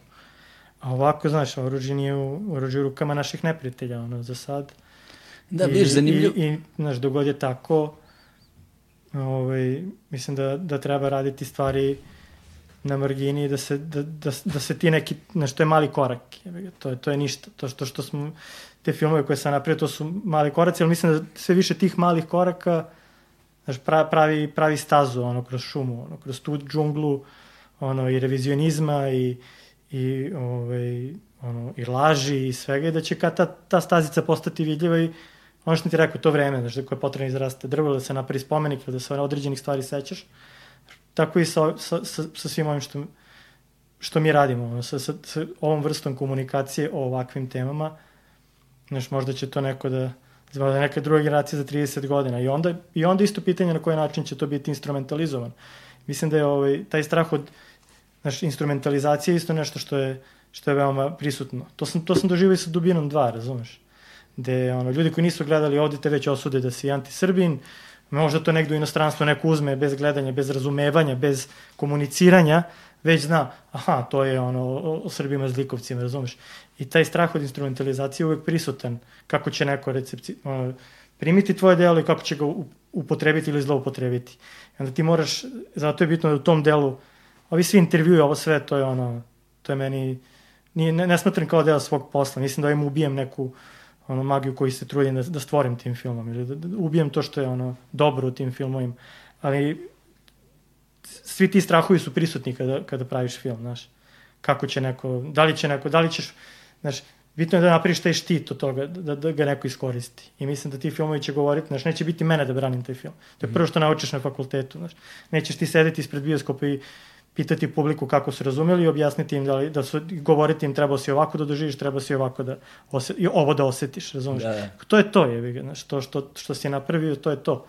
I nema nazad, znaš, nema, ja, mogu, ja neću se vraćati da to nešto ispravljam, da diram. Znaš, to sam ja te godine kad, kad je to izašlo, da danas pravim film, rekao bi neke druge stvari možda, da. ali to je to, znaš, to je to ono, isto vreme i ono, vremenska kapsula, razumeš? I zbog toga je po meni svaki, u isto vreme dok praviš i jako igrani film, jako je po scenariju, uvek razmišljam da je to i dokument. Mm -hmm. Znači, ovaj dokument, kako, smo mi, kako sam ja te 2017. kada sam snimao, video tu 99 da razmišljaš kako će neko ko, znaš, ono, kao kad gledaš sad SF filmove 70-ih, kako su videli 2020, znaš. Neke to je dokument ost... 70-ih da, da, da. više nego što su predvideli budućnost. Neke stvari su ostarile vrlo loše, neke su ostarile genijalno, ali svakako govore... Jeste, ali ti kad god praviš prim praviš film u ovom trenutku, znaš, meni je, ja ne pričam o Kosovu i 99. Ja pričam da. o Beogradu i Srbiji danas, tim da. filmom, znaš. Ali na kraju dana pričamo zapravo o ljudima. Pa, da, I to je ono što je vanvremensko u barem dok, će, dok postoje ljudi. e, a, Dubina 2 je, da pobegnemo sad malo od ovoga i da mm. krenemo hodom unazad ka drugim stvarima, želeo bih još malo se zadržati na ovim temama pre nego što pređemo na uslovno rečeno vedrije. a, Dubina 2 je već dokumentarna forma više, odnosno sadrži jako puno dokumentarnog u sebi.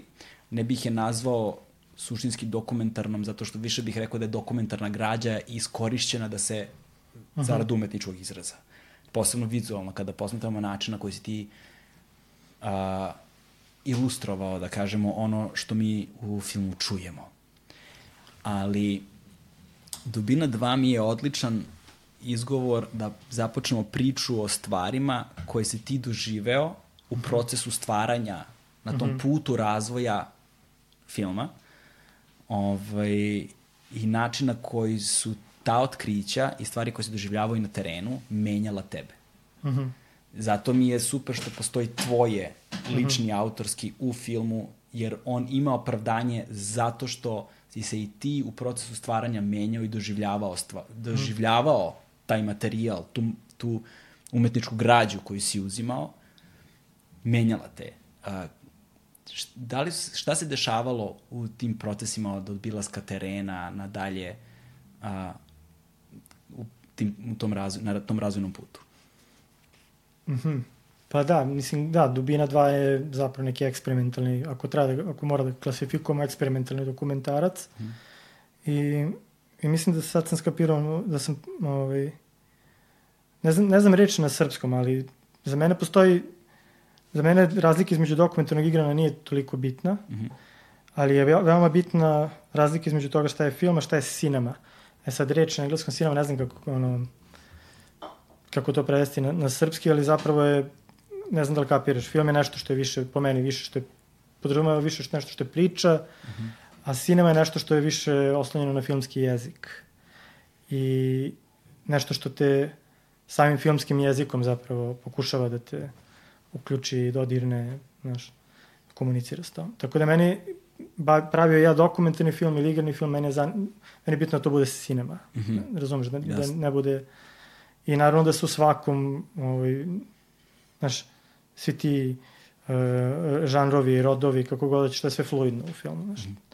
I u, I u teretu sam gomilu stvari na samom setu pustio u film, što bi se moglo rekli da je dokumentarno, a dubina, jako je, i jako je snimana bez, bez ikakvog scenarija, gde sam otprilike znao šta treba da snimam, a to su te lokacije, pra, prazne lokacije, mesta na kojima su, na ko, koji su bitni i koji su u vezi sa ovim zločinom, na Kosovu, u Kladovu, u Beogradu. E, znaš, to sam snimao dokumentarno, ali zapravo u procesu montaže smo mi pravili strukturu koja je dosta podsjećen igrani film, znaš, to ipak da bi 80 minuta ti izdržao da gledaš prazne prostore, morala da bude neka tenzija, ta tenzija dolazi iz te neke misterije koja je stvorena bukvalno u načinu montiranja tih audio snimaka svedočenja, načinom na koje oni komuniciraju sa slikama koje su podvučeni za njih i koje, na, na, sa slikama koje ti stvaraš u glavi dok to primaš. E, same te, e, e, samo to snimanje je bilo veoma, veoma čudno, to je film koji ima veoma mali budžet, Mislim da je nas bilo troje. Nisam snimao zvuk, na primjer, na film. Zvuk je napravljen, zvuk je napravljen ovaj, kasnije, jer su to prazni prostori. E, ideja je bila prvo da nisam ni znao da li snijem kratki film ili igrani. treba je da bude kratki film, trebalo je da bude... Ili ono, forma je jednostavna, prazni prostori i off. Da. Zvuk iz off. I onda, znaš, nisam, nisam bio siguran na šta će to ispasti. Snimili smo, snimali smo 10 dana, montirali 11 meseci. Tako da sve ti jasno. I smo imali 400 sati audio svedočenja. 400 sati samo preslušaš, izdvojiš ovo. Ideja je bila da ja prvo snimim intervjue sa ljudima koji su učestvovali uh, u tom zločinu i koji su u stvari svedočili u Beogradu i Hagu, međutim niko nije hteo da, da govori sam jedne osobe.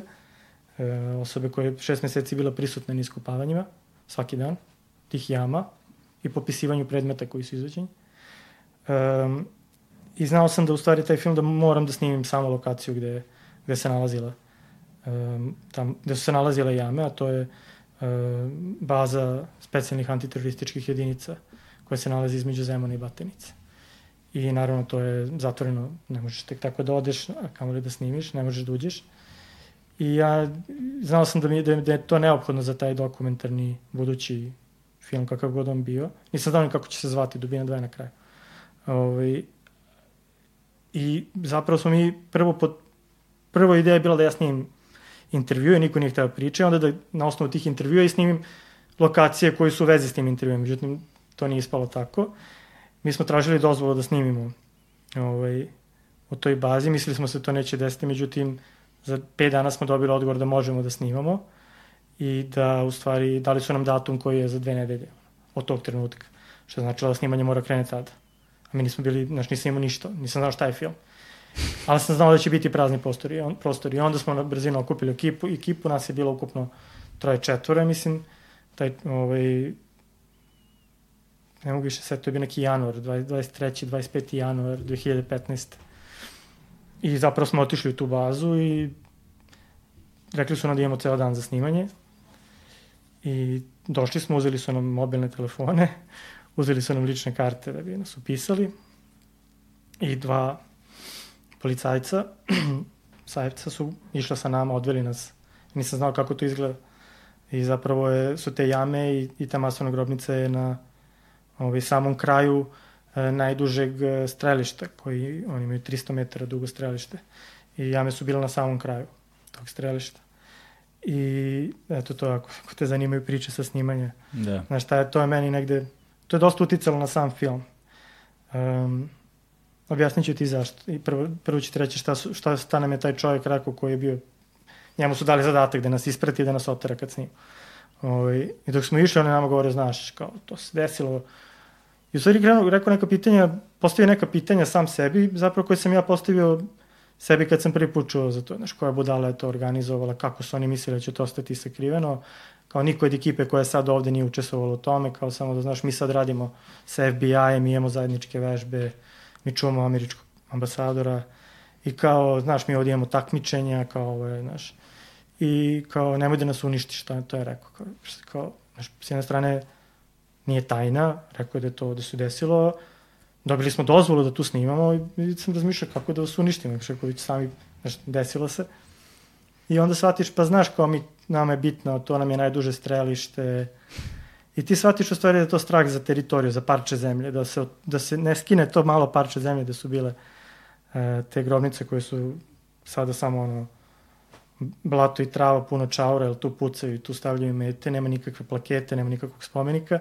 I shvatiš da njihov strah da se u stvari je to sećanje. Da se to ne oduzme ne naprije neki memorijal ili neki spomenik. I to je u stvari dosta uticalo i na dubinu dva i na teret, i na spomenik i na sve. I, a sa druge strane, kad ulaziš u tu bazu, ti vidiš ono neke srednjovekovne vitezove, dva, dve statuete sa ono štitom, sa ono ocilima i tako neke, znaš, temelje za crku koju zidaju tu, tada je barem bila, ne znam, vjerojatno sad izgrađena do sad. Da. I, ovaj, i u stvari i stvari shvatiš da je taj profit i da u stvari sve te priče o nacionalizmu, međuetničkoj mržnji, da uvek ima, znaš, da je uvek neki profit iza. I kada sam preslušavao i na kraju u gotovom filmu Dubini 2, ti, ti vidiš ti vidiš da u stvari svaki od tih a koristili smo od 10 svedoka 9 koji su uh, učestvovali u tom zločinu sa takozvane naše strane, kogo to mi bili.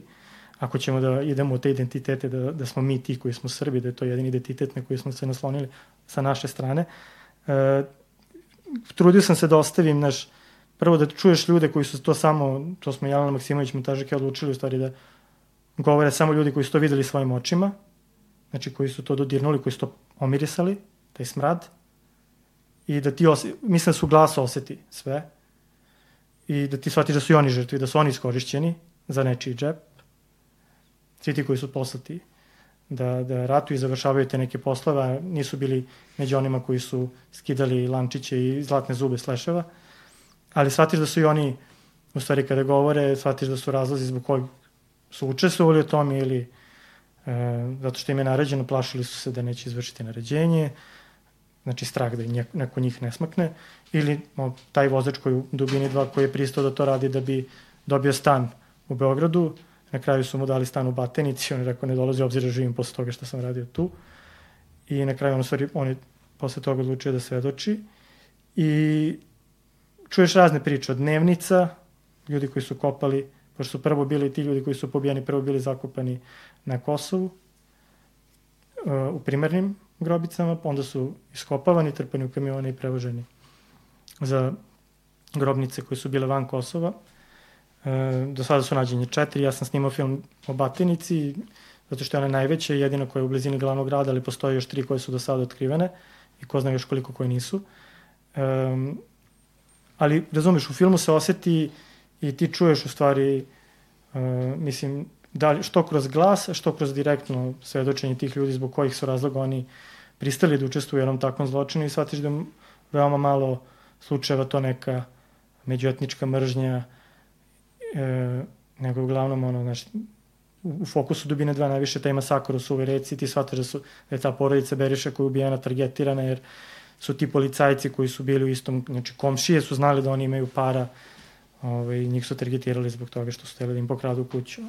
Znaš, tako da, da, te, te, te neke stvari su stvari ovaj, I mnogo toga sam naučio kroz te film. Znaš, mi smo na Kosovo otišli nas troje, snimali smo na mestima da su bili masakri. Um, I to isto bilo čudno, znaš. Ono, ovaj, ja nikad nisam bio na tim mestima, nisam znao šta ću videti, ja ne znam šta će, kako će, da, da li će to naći mesto u filmu ili ne. ali se zna da ono, želim da dođem tu i da vidim i da, znaš, da, ono, nismo imali ni intervjue s ljudima. I sama ta lokacija, shvatiš da zapravo to sećanje na civilne žrtve rata i na Kosovu i Srbiju, Hrvatskoj i Bosni isto su, civilne žrtve rata nisu dobili ništa. Znači oni su potpuno zaboravljeni, oni su dobre samo ukoliko služe za ono, takmičenje u tome ko ima više žrtava, pa se i sa time manipuliš. Razumeš? Da. I ti na Kosovu kad dođeš na to mesto, u toj pizzeriji gde je ubijeno cela ono, 50 članova porodice, i shvatiš da je ona u nekom stavljeni neki izlog tu, unutra su stvari odeće koja je iskopana, koju vidiš na kraju filma, koja je iskopana u stvari iz batenice, iz jama, koja je dve godine stajala prvo u tunelima, nekim u batenici, pa onda u specijalnom sudu tri godine, pa onda tek 2006. sedme vraćena uh, porodicama žrtava. On, znači u toj pizzeriji koja je razrušena, koji su, bac, bač, koji su ono, ispucali, koji su bacili granate, ta odeća je tu, to smrdi na leševe, znaš, to je stavljeno pod staklo, e, i ti shvatiš da to staklo stavio član porodice koji nije mogo više čeka da grad ili, ili ovaj, vlast uradi nešto po pitanju sećanja. On je samo odlučio da napravi memorijal i muzej od toga, hteo da izloži tu, tu, tu odeću, ne znam da li je do sada to uradio, ali ti shvatiš da je taj odnos prema, prema civilnim žrtvama znaš, veoma sličan. Da ne pričamo o tome da, da ti svidiš gomila tih civila, da, da, da nisu dobijali oštetu nikakvu na Kosovo, osim ako nisu pristali da kažu da je to, da su oni bili uh, borci, ono, deca od 10 godina, razumeš, i tako, znaš. I ako si pristao to da, da bi digo brojevi, da bi ono, od njih pretvorio heroje, znaš, a heroji su jedino ako su umrli kao borci, jedino tad su porodici dobijali odštetu, ono. Ti vidiš tu da je ta, ta manipulacija kad zagrabeš, ti shvatiš dokle to ide. I u stvari teret nastao, znaš, krenuo je s teretom, onda sam došao do dubine dva, onda sam tu čuo milion priča, onda odeš, razumeš, na Kosovo i sretneš čoveka koji mi priča o advokatima u Beogradu, znaš, kad, su, kad se 99. završilo bombardovanje i rat, kada su se preko 700, preko 800 hiljada ljudi bilo protirano ovi, sa Kosova kada su se vratili, koji, koji su bili rastavljeni od svoje, svojih porodica, nisu znali gde su im deca, gde su im očevi, gde su ovi. I oni su krenuli da kontaktiraju advokate po Srbiji da vide da nisu u zatvorima u Srbiji, pošto se vode kao nestali. Da i ti imaš gomilu priča advokata po Srbiji koji su, znači od te 99. od juna, pa sve dok nije otkrivena batenica i ostale grobnice, dve godine ono, zavitlavali, krali novac, uzimali novac tim ljudima e, sa Kosova i govorili im da su njihova deca i očevi u zatvorima u Beogradu ili gde god ovi nisu mogli fizički da dođu. I ono, upoznao sam tog jednog čoveka koji je prodao kuću da bi, jer su mu rekli da su mu dva sina u zatvoru i on je, ne znam, 40.000 ili koliko mi već rekao Maraka tada poslao tim advokatima u Beogradu, oni su mu običavali da će ga čuvaju, da mu neće biti ništa i to. I kada su iskupane, kada su nađene te jame i kada su nađeni ti ljudi, taj dede otkrio, taj, taj čovjek je otkrio da su mu sinovi zapravo sve, sve to vreme, sve to vreme bili ubijeni i mrtvi. I da je ono, to je, to je mogu biti treći film, razumeš? Da. I, znači, iz tih priča imaš toliko toga da shvatiš da onda toliko ljudi dalje, dalje se 10.000 ljudi vodi kao nestalo, Srba, Albanaca, uh, muslimana, Hrvata, u, u svim tim ratovima, znači ne samo na Kosovo, nego ukupno, i da su, da su oni sahranjeni u nekim masovnim grobnicama, a da vlasti svih tih novonastalih državica i dalje ćuti, da je taj zavod ćutnje toliko jak, koji, da ti to samo govori da mi dalje, da taj rat ni dalje nije završen i da te vrednosti uspostavljene tim ratom i tom, tim fašizmom su i dalje tu i da su oni dalje dominantni. I da ti ne možeš o tome da go, ono, zašto, znaš, zašto su, ne, ne, ne razumem zašto se o tome, ovaj, znaš, zašto neko ne izađe, barem ono, to što kažeš ljudski, ne mora da bude neko iz vlasti kome odgovara da štiti sebe ili koga god. Ali toliko ljudi u tome učestvovali, toliko ljudi zna gde je to bilo, da, ovaj, da, da i dalje taj zave čutnje baš, baš, ono, baš jak, baš dominantan. Ćutenje je, da, veliki problem. To su... Jo. to je dubine dva, imamo i teret ako hoćeš. Da. tu tek šta je bilo. Da. Mi smo za teret imali lažno ime filma. Znači, lažno ime filma i lažan sinopsis, jer smo snimali... Čekaj, objasni da. šta znači, ne, objasni mi šta znači lažno ime filma, pa, lažan pazi, sinopsis. mi kad smo snimali Dubinu 2, to kažete, bilo nas mm -hmm. troje u kolima i veoma kad smo malo, ono, kratko snimali, nismo imali nikakvu rasvetu, nikakvu ekipu, dođemo, snimamo prazne prostore mm -hmm. i nema potrebe sad ti da, da objašnjavaš ljudima šta snimaš, znaš, zašto snimaš poljanu, niko te ne pita. Da. Ovaj, ali za teret, znaš, i sa, sa dubinom 2 smo i na Kosovu isto imali, ono, nismo, ono, i tu smo imali isto, bila je frka da, znaš, odeš na neka mesta gde baš Srbima, Srbi nisu dobrodošli, mnogo je zajebano za Srbe. Mi smo si i tu pričali nekad na engleskom, znaš. Jer ne znaju ljudi, znaš, šta snimaš i onda kažeš snimam dokumentarac o, o tome ili tome, onda te, znaš, svi se sklone, ali ako čuju, znaš, odmah Ne, ne, I tu je bilo dosta, ovaj, moglo je da bude, ali na kraju nije bilo zeznuto, ali znaš, nezamislivo je bilo da mi za teret sa 50 ljudi, 10 kamiona snimamo bilo gde na Kosovu. Niti, je, niti sam želao da tih nekih pravih lokacija ima neki fetiš, pa kao sad njima ne mora da budu film. Ali posle Dubine 2 i nakon premijere, nakon svega i taj film je već bio napadan i svašta se tu dešavalo i znaš, kad smo trebali da snimamo teret, to je bilo godinu dana, godinu i po dana nakon premijere Dubine 2. Ovi, shvatili smo da ne možemo tek tako, znaš, da, da nije baš dobro da, da Znaš, dođe, to ti ko cirkus, znaš, dođe naša ekipa, snijemo na otvorenom uglavnom, uvek ti priđe brdo ljudi da te pita a šta to snimate, a ko je ovo, o čemu je film, o ome, i onda da ne bi ulazio u rasprave, jer bi to svuda bilo, ne bi se bavio filmom, nego bi se bavio raspravljanjem ljudima na setu, znači imali smo Uh, naravno, ljudi koji su nam davali lokacije su znali, nji, ono, to nije, nije smelo da bude nikakve laži. Da. Uh, ono, ljudi koji su obezbeđivali set, policija koja je zatvarala put, morala je sve da zna i znala je. Ovaj, ali, znaš, ti, ono, lo, ono, ljudi iz tih sredina, iz lokalnih sredina, za njih smo uvijek imali ime filma je to, sinopsis je to i onda nemaš, donekle nemaš problem, negde se pročuje, pa to onda dođu, pa ti pravi sranja, pa pokušaju, deru se, ono to, Naj, najviše, najveći problem su pravili ovim snimateljima zvuka. Ali, ovaj, ali generalno, znaš, čisto da bi... Ne, mi smo imali veoma, veoma malo vremena, znaš, mi smo imali 32 dana za nešto, ja sam teo da imam 40 ili 45. Da. Snimali smo krajem februara, mart, april, kratek je veoma dan.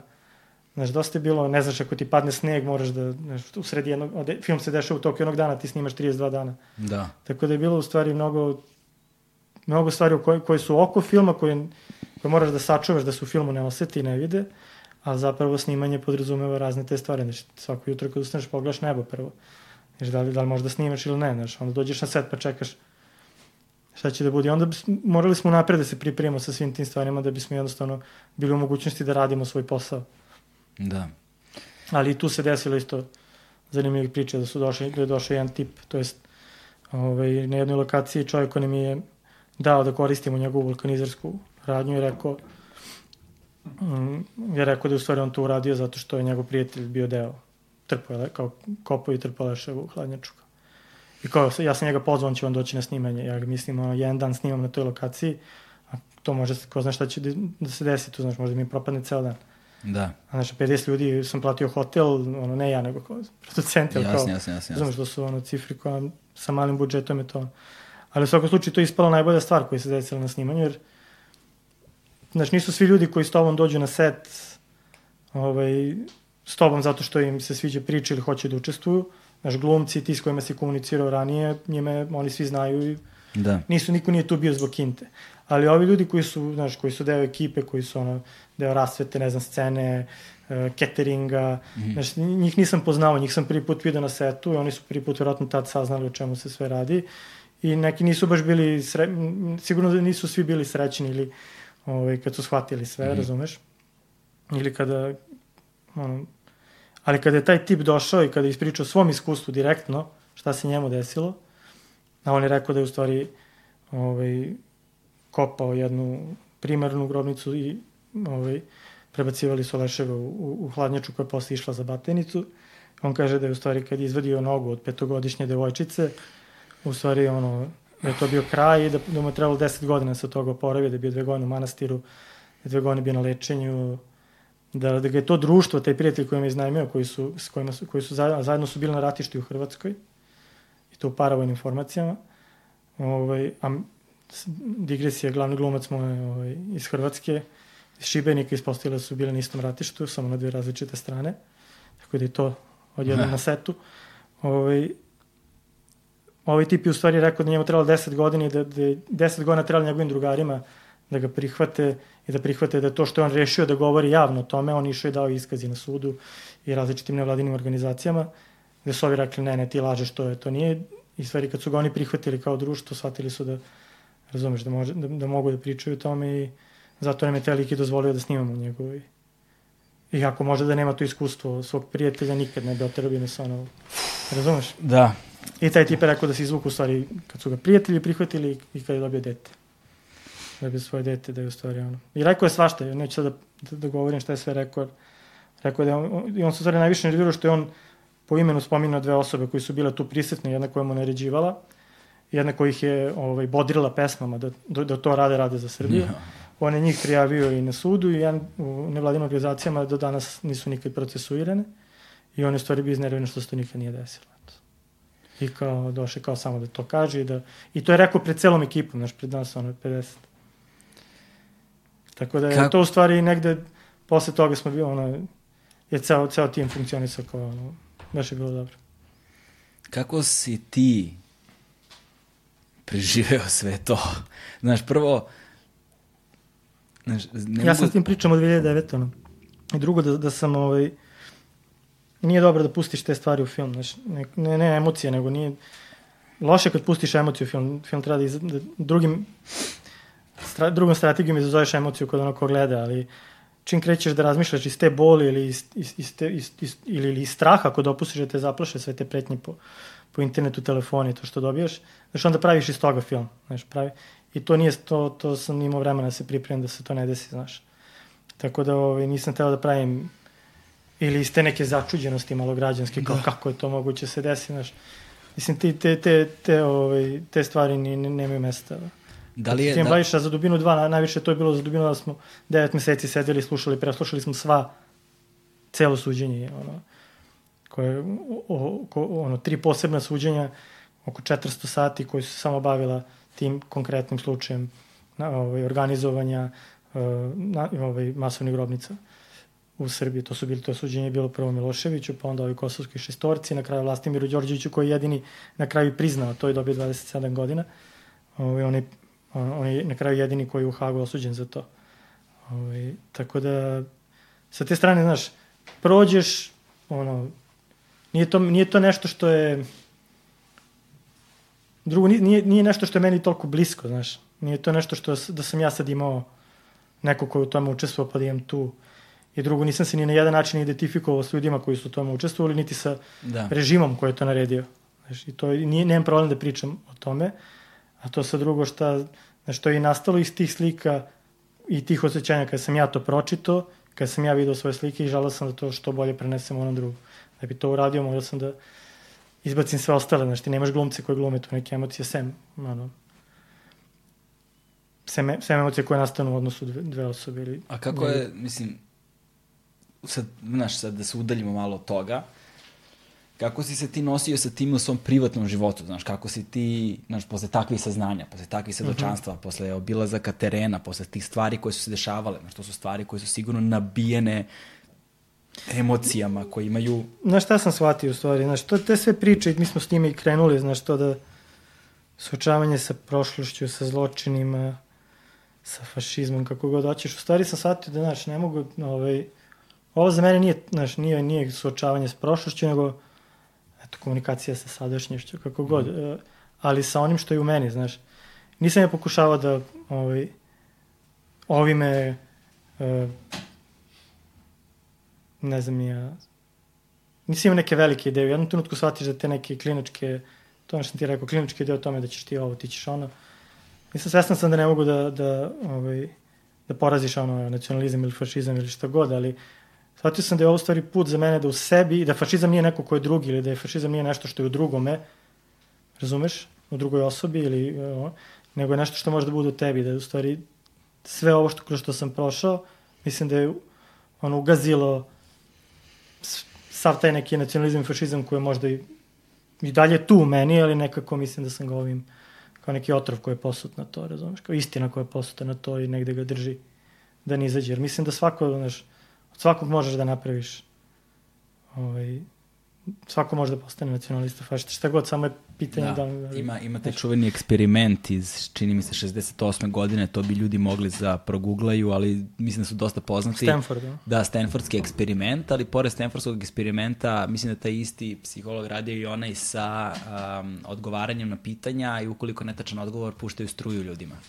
Znaš da taj? Kako se beše zove taj, taj test? Zaboravio sam. Dakle, uh -huh. uh, stvore u tome što imaš ispitanika, odnosno imaš osobu koja, koja vodi eksperiment, imaš volontera koji učestvuje u eksperimentu i imaš još jednog volontera koji učestvuje u drugom delu eksperimenta. U jednoj sobi sedi jedan volonter koji postavlja pitanja, u drugoj sobi, oni se ne vide fizički, u drugoj sobi sedi a, drugi volonter koji odgovara na pitanja. Ukoliko ne odgovori tačno na pitanje, ovaj prvi volonter je dužan da pusti mhm. struju određene voltaže, ono, uh, koja je kao u početku sitno petka. Sa svakim sledećim netačnim odgovorom treba da pojačavaju struju. I imaš čoveka koji je uh, vođa eksperimenta, koji nadzire i koji uh, daje naređenja, sad pojači na voliko, sad pojači na voliko i pušti struju. Ono što je zapravo bila fora jeste da ovaj drugi što prima struju je zapravo glumac. Uh mhm. -huh. koji odglumi šokove i bol od, udaraca struje i onda su se pitali da li će ljudi koji a, da li će ljudi koji puštaju struju ići toliko daleko da ubiju čoveka s druge strane, mm -hmm. ukoliko se izda naređenje. I onda se ispostavilo da je ogromna većina, bez obzira, bunili su se, govorili kako je ovo strašno, ali kada im se daje naređenje, ipak su ga izvršavali. I sad je to strašno mnogo kontroverzije ima u vezi sa tim istraživanjem, ali je vrlo zanimljivo posmatrati ga iz tog ugla koji si ti malo pre mhm. rekao. Mm. Znaš, da li zaista ima ili ne i kakve veze ima taj lanac komande i kakve veze ima taj društveni pritisak i kakve veze ima to okruženje, taj narativ koji se gradi, kako se ceo taj ambijent i ta atmosfera, ovaj, okolnosti koje se prave vode uh, ka jednom određenom trenutku u kojem se dešavaju neke stvari. Sad, mm. znači, ne želim da trivializujem i banalizujem, naravno, ovim primerom. Samo mi je pao na pamet zato što je vrlo simptomatičan ono, u vezi sa ovime što si ti malo pre zaključio samome sebi. Um, ali probao bih da sad malo se udaljim od svega, okay. od svega, od svega ovoga.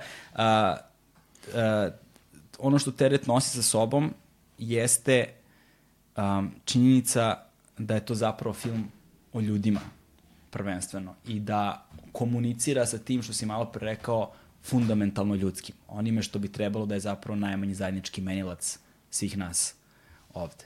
I ta nota se primećuju tvojim ostalim radovima, um, koji možda, ne možda, koji nemaju apsolutno nikakve dodirne tačke sa tematikom i idejom koja stoji iza ovih monstruozno teških priča kao što uh mhm. -huh. je Teret, odnosno Dubina 2, i koje možda se bave jednim sasvim drugačijim narativom, čak humorističnim, čak malo Don Kihotovskim, čak malo a, a, a, a, um, uvrnutim na neki način, absurdnim možda mm. čak, ali govore o jednom beskrenom ljudskom entuzijazmu koji se graniči sa onime što bismo u današnjem znaš, savremenom svetu rekli možda sa glupošću, znaš.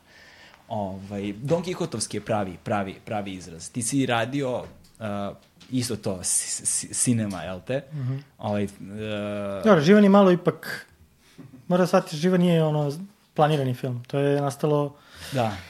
od filma koji je propao, znaš što. Mislim, duhe, mogu ti ispričati, ja Živana znam ceo život. Ali, ali, pre, ali, 15. pre, godine, ono. Ali, ajde, ajde. ali pre nego što nastaviš, dakle, kažemo, govorimo o filmu koji nosi naziv Živan pravi punk mm -hmm. festival.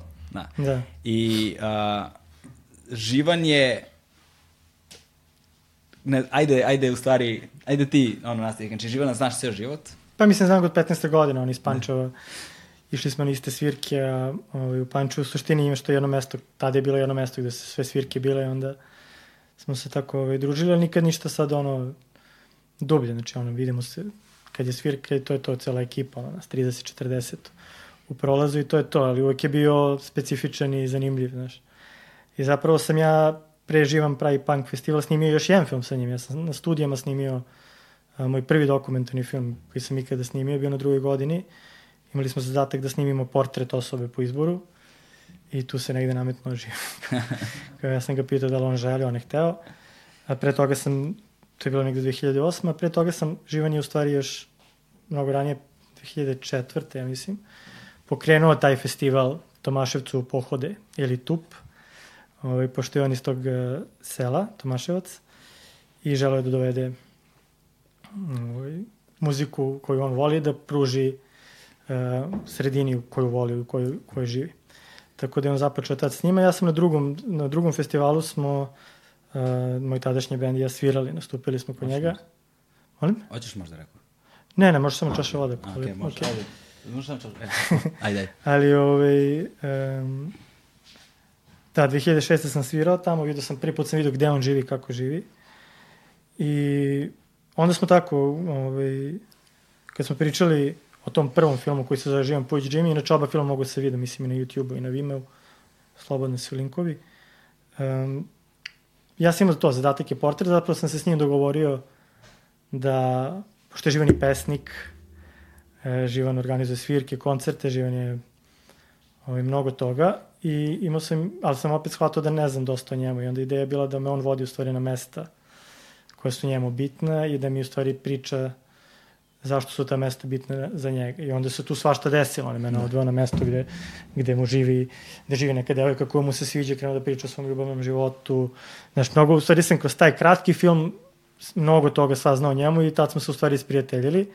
I taj kratki film isto nešto jako brzo snimljen za četiri dana, za četiri dana smontiran da bi se položio ispit. Da. Međutim, posle bio na, e, hvala, posle bio na par festivala i tu smo ovaj, na kratkom metru, ne znam, Cinema City, tu smo dobili neke nagrade i u stvari je Živan negde prvi put dobio neko priznanje za svoj rad kroz te nagrade i onda je on mene u stvari pitao da li bih hteo da napravimo dugometražni film i da je on napisao scenariju. To je bilo posle godinu i godinu i po dana. Kad se završio, obično taj festivalski put filma traje godinu, godinu i po dana, posle film star za festival.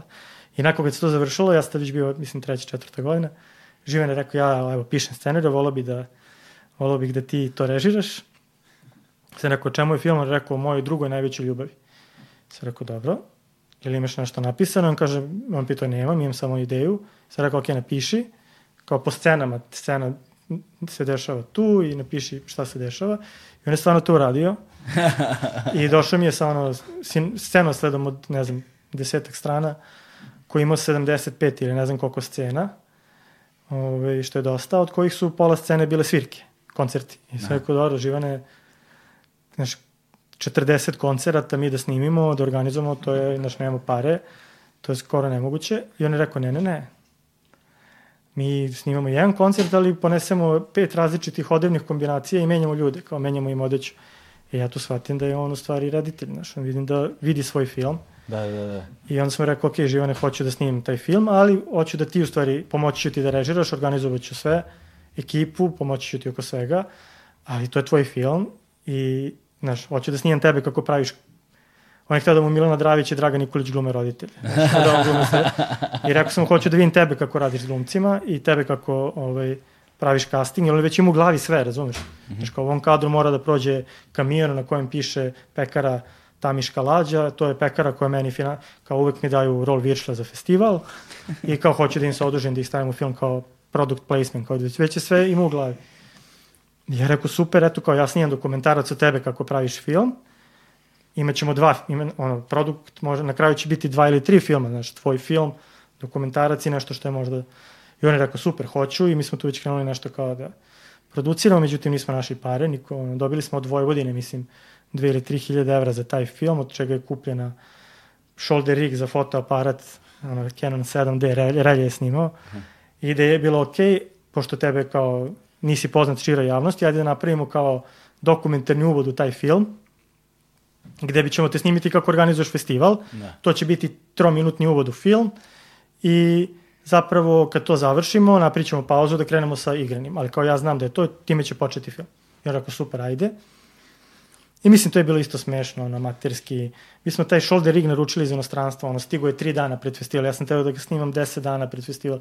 Nisam mogu da snimam, jer na carini su nam zadržali to, pa smo da. morali, ceo budžet je otišao na to, na, na shoulder rig za, za ovo. smo kao, ali smo kao kupili, da, bukvalno sve pare koje smo dobili otišao na shoulder rig, ili on koštao, ne znam, hiljudi i po evra i carine nam uzelo još hiljudi i po evra, jer je to u stvari prvi put u, u, uvez, uveženo u zemlju, pa smo morali, ne, nemam pojma, ali shvatam tri dana pred film koji treba bude dugometražni film, igrani, dokumentarni, da smo mi pukli ceo budžet.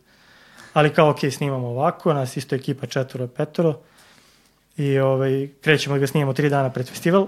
Ono što je super stvar bila tad je da on nas nije ono, nije se obazirao na nas ni malo, je bio u svojim problemima koji su već tad bili veliki, on je bio svestan toga. I nekako je to idealno za film bilo. Znaš, pratili smo ga u njegovoj njegovom njegovi, ludilu. njegovi, njegovi ono, u, u, u bitkama koje vodi, a zapravo on nije, nije bio, ni nije način nije bio, ono, nije imao on tu neku svest da ga, ne, da ga kamera snima i stvarno je dao, dao puno, nesvesno je dao puno. E sad možeš da imaš na umu da ja nisam znao, da ja, ja tad nisam snimao film, ja sam, to je bilo, se kaže, polivanje, razumeš? Pratimo ga, mi smo za tri i po dana snimili 24 sata materijala. Znači, pratimo ga, snimamo non stop, menjamo kartice i kao, razumeš, nisam, nisam razmišljao o tome gde stavljam kameru, zašto. Znači, nije, nije bilo toga. Ja sam bio pozvan ovaj trominutni dokumentarni uvod, bit će, znaš, ono, atraktivno, zabavno, bla, bla, bla. I drugo, pola filma, na kraju završenog filma i pola tog materijala je snimano na dan kad je stvarno bio festival, njegov koncert i da je bila buka. Ja nisam imao slušalice, razumiješ, nisam imao slušalice da čujem šta on govori i ja pola stvari koje on tu imao, taj glavni problem sa parama, sa ovim, ja tu nisam ni znao da se dešava dok sam snimao film. Razumeš? I kao mi smo to popadali, snimali smo 17 sati taj dan ono, od jutra. Istim ono, mi dolazimo, nismo imali gde u Tomaševcu da spavamo, moramo putujemo, nismo imali hranu. Živa nam nije rekao da subotom ne radi ništa u Tomaševcu, nismo imali da jedemo, pa smo morali u drugo selo da idemo da jedemo.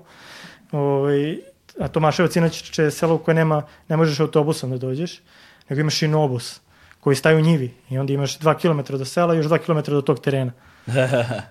Ali to, je, to sam otkrio kad, smo, i, ovaj, kad sam svirao s pa smo sa svom opremom išli tako. Tako da smo na snimanju imali kola. Na snimanju smo imali kola. I ništa, mi smo to završili. Ja sam bio u fazonu super, imamo, znaš, kad sam snimio te neki razgovor na kraju, koji sam bio sam u fazonu, ok, super je ovo za, za kraj. To je trebalo dva sata, ali kao, to je to. Pravimo mesec dana pauzu i nastavljamo sa snimanjem igranog. Međutim, u tih mesec dana Živan se nešto sa sestrom svađao, pošto Ove, nije sad to ni bitno, ali njegova sestra nije htjela da bude u filmu, on je htio da ona bude u filmu, pa ona kao zabranila da koristi njen lik, iako ja sam rekao promeniti, znaš. I on je tu nešto se dosta posveđao s njom i na kraju je po, po drugi put završio u psihijatrijskoj ustanovi ovaj, u Kovinu, gde je ostao dosta dugo i kada je izašao, izašao je dosta pod lekovima, bio je bio drugi čovek. To je bilo već tri meseca, četiri meseca nakon materijala. Mi nismo imali pare, Uh, Živan je nije bio dobri, nije, jednostavno govorio je jako drugačije, razmišljao je, mnogo, no, mnogo je bio usporeniji Pod i nekako i nisam hteo da ga snimam u tom stanju, ne bi bilo fair. I shvatio sam da je opasno i organizovati, znaš, zvati 50 ili 100 ljudi da rade sa tobom film besplatno, a da to može da se prekine u svakom trenutku, ono u svakom trenutku mogu da mu, da mu se pogorša stanje. Znaš, i nekako smo odustali, bio sam u fazonu, ne, Živane, snimat ćemo taj film nekad, ali kao, znaš, ne, i on je bio u fazonu, da, kao, ok, upravo si. I onda posle, pošto sam u to vreme već krenuo, to je bilo, mi smo to snimili 2011. e, na leto, a zapravo tek 2012. znači posle dva, tri odbijenja tereta, ja sam shvatio da imam taj materijal i da možda tu leži film. I tako negde aprila 2012. smo krenuli da montiramo. Sara Santini je bila montažerka, ona je tad bila student druge godine i to je opet, morao sam da zovem nekoga i da mu kažem ne znam da li je kratki ili dugi film, ne znam koliko će trajati montaža i nemam ni dinara, nemam, znaš, nemamo para. I, znaš, zato je u stvari super ispala, ona bila, želela je to da radi i nekako, znaš, kao, dok je student dobro je došla i vežba da radi nešto što je možda i dugometražni film. Tako da je to ispalo super i mi smo jedno godinu i po dana to montirali, jer nisam ni znao šta je priča, da li imam priču. Te kada smo spojili sliku sa zvukom, sam shvatio koji su tu, šta tu svega ima i kakav je film. I onda smo krenuli to da montiramo i na kraju to je ispao film Živan pravi punk festival, koji se negde poklopio, sa, znaš, Živan, negde se poklopio taj, taj, taj, taj Živanov, ti si rekao da, znaš, šta je entuzijazam, znaš, Da. da li je ludilo u ovom sistemu, gde je cela sredina protiv tebe ismevate, a ti ipak on ipak napravio festival, ostvario svoj san, razumeš? Nikom nije ono ispao. Tako da negde se to poklopilo i sa mojom želom da, da izguram taj teret, iako su me svi, ono, na sve strane sam nailazio na ne, znaš. I negde me je to dosta ovaj, inspirisano. Mislim se poklopilo da je taj film oživan i po, jeste film o, o entuzijazmu i pre svega o entuzijazmu u Srbiji, ono, i ono entuzijazmu da praviš nešto bez dinara u sredini koja nije baš spremna da to da čuje ili podrži. To je, to je ono što, što kaže malo pre, kao da je Don Kihotovski. U potpunosti je Don Kihotovski lik. Posebno što se danas, i posebno u našem društvu, ali sve u svetu takođe, nije to ništa, ne znam sad, strašno drugačije u svetu, nažalost. Ta vrsta entuzijazma se graniči s ludilom ta vrsta dobrote. Pa u kapitalizmu sve što nije usmjereno na profit proglašavaju ludim, zar ne? Da, pa i sve, i, i, i, i, ta vrsta, i ta vrsta dobrote se graniči sa glupošću. Znaš, kao da, on, da su dobra i glup rođena braća. A, i, I negde, ali zapravo iza toga, iza, iza toga što ti vidiš na prvu loptu, stoji ono što je suština, što stoji jedna ljudska priča. Mm -hmm. Ljudska priča potpuno nefiltrirana, jer Živan ima taj talenat da ti da ono, znači, nedestilovano skroz, znači, mm. sirovo, ti, sirovo ti da. Ja se sećam kad, sam, kad sam, ne, ne se ni gde sam gledao taj film prvi put. Dom ja omladine. Moguće, dom, tako, Dom omladine, a gledao sam ga posle i u uh, kult, Centru za kulturnu dekontaminaciju, mislim da je tamo bilo isto, da je tamo mm. živan gost, bio gost posle, razgovor posle da, filma, da. bio da sa šeširom sam se da, spremio, da, da. čitao poeziju. Pa da, da. Ovaj, tad sam ga i upoznao, uh, posle sam ga sretao često u Domu omladine, dolazio na redovno punk svirke. Um, desila se ta, bez obzira na sve to što na prvu loptu uh, deluje kontra onome što je zdravorazumski društveno, društveno prihvatljivo, ali publika je Živana obožavala. Znači, ja mm. ne pamtim kada sam poslednji put sedeo na bilo kojoj projekciji, bilo čega. Da su toliko navijali da on uspe. Da, ne, da, da su ljudi toliko navijali za nekog mm. lika. Znači, oni su yes. toliko navijali za Živana. On je takve ovacije dobio kada je on izađe, kada se on pojavi nakon filma, pa svaki put toliko iskren smeh u publici. Zaista, jed, jedan od onih redkih uh, filmskih trenutaka za koje zapravo čovek živi, ono, i kao publika i kao stvaralac. Pa da, samo što, znaš, to je isto duga priča. Mi smo prvu projekciju imali u Novom Sadu, mm -hmm. Živana, gde Živa nije gledao film do tada, znaš. Ne? Pazi, to je, to je bilo dve godine nakon festivala, on nije vidio ništa. Znaš, on imaš, to je isto zanimljivo, montažarka koja godinu i po dana gleda njega i sluša i to, prvi put ga vidi tad i javlja mu se kao, aj, Živan, on kao, ja sam Živan, kao upoznaje se. Da, da. Ovaj, ali u stvari tad je došla publika koja njega znala, poznavala ga dosta dobro i koja je radila s njim, određeni ono, ljudi iz nekih bendova i tako.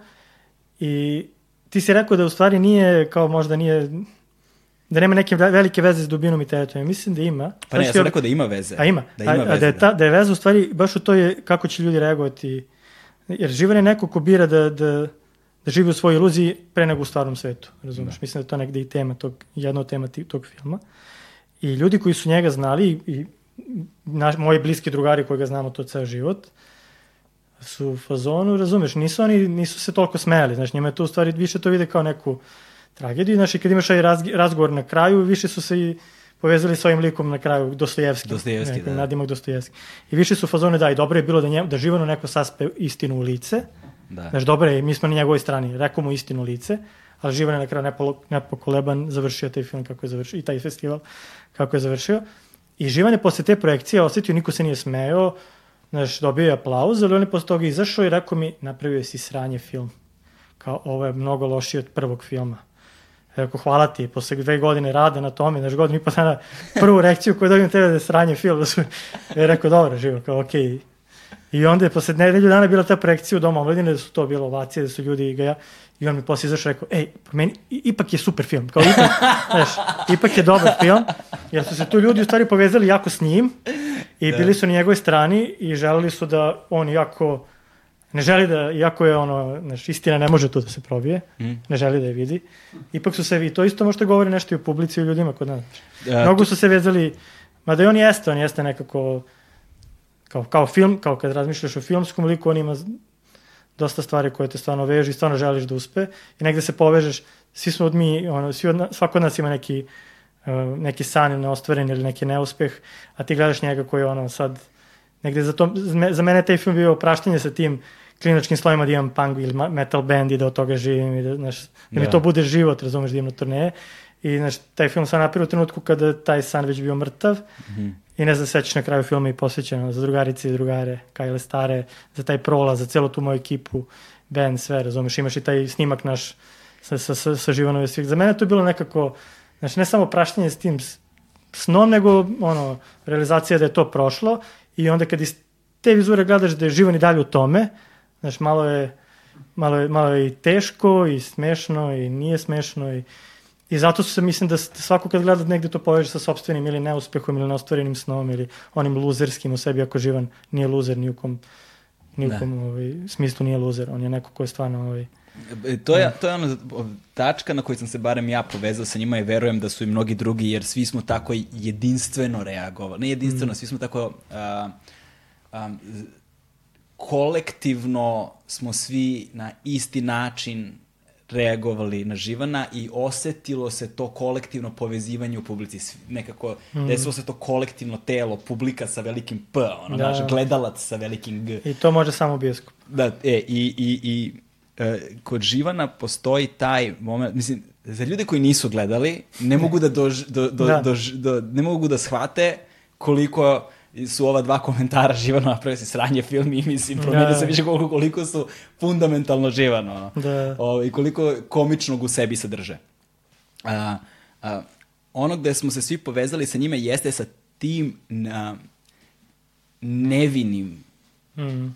neiskvarenim, uh, dečijim na neki način, Ne iskalkulisan. neiskalkulisanim, koje entuzijazmom i ljubavlju prema nečemu koje se gubi vremenom kako starimo i, i postajemo ono, uh, pod, pod uticajem tih nevidljivih niti društva koje i, i postajemo kalkula, mnogo kalkulisaniji i ta neka socijalna inteligencija počinje da preuzima primat nad tim našim porivima. Ali naši porivi ostaju negde da tinjaju onako i da maštamo o njima kad smo sami na gajbi pred ogledalom, kada ono pevamo karaoke ili šta god. Živan to živi, znaš, on je to gurnuo u prvi plan i njega ne zanima ništa. To može i vrlo često je tragično po takve likove. Ali uprkos tome, znači on, u inac svima i uprko svemu, on ide i gura tu svoju priču i ta ljubav je nešto, a, kad ti vidiš da neko gaji to u sebi, a da smo mi zapravo negde to pustili i ostali u raljama neke davne prošlosti, onda, onda vidiš tu lepotu življenja. Znaš, i, i, I tu, je ona, tu sam ja video tu tačku povezivanja sa tim fundamentalno ljudskim. Mm. Znaš, jer živan takođe ne mora da postoji imenom i prezimenom, ne mora da postoji mestom i vremenom u, u Pa prostoru. Da, mnogi, mnogi su mislili da je to malo igrani film, znaš. Da. Mnogi su mislili da je to igrani film, jer, ono, Delovalo je neverovatno to što se dešavalo njemu. a, dobro, da. da. Ali da, možda- situacija od čoveka, nije situacija od čoveka. I onda postoje ti komični elementi u nekim socijalno teškim trenucima. Znaš, ima ta, ta scena kad on ruča, pa, znaš, pa, mislim, znaš, i teško ti je, Mm. I divno ti je u isto vreme i shvataš svu tu slojevitost i lepotu života, tako da ono, ne mogu, ne mogu dovoljno da preporučim. Pa da, mislim da se svi prepoznaju u njemu, da svi Da. mi prepoznamo u njemu i da smo svi živani, ono. Da. Zato što sam, nek, ne znam, ono što je, znaš, to što je smešno, isto, isto vremeno ono što boli. Zato što ti, si, ti u svakom trenutku posmetraš čoveka koji ima plemenit san, plemenite namere, a u isto vreme vidiš da zbog svojih nemogućnosti ili mana nije, nije jednostavno to se, to, to se neće desiti. da. Znaš, to, to, to se neće desiti. I ti vidiš od starta da se to neće Ti vidiš od starta, ali vidiš njega koji pored toga pravi nešto i napravi, izgura. I sad, koliko god došlo ljudi, onda na kraju, znači, da koliko god, ti svat, mislim, za mene je taj film bio ono, kažem ti, kao i ti, svi moji filmovi, nekako, ono, nije to, ne radiš to zbog para, ne radiš to zbog publike, ne radiš to, znaš, negde se sve to, sve se to osvestilo, artikulisalo kroz taj film.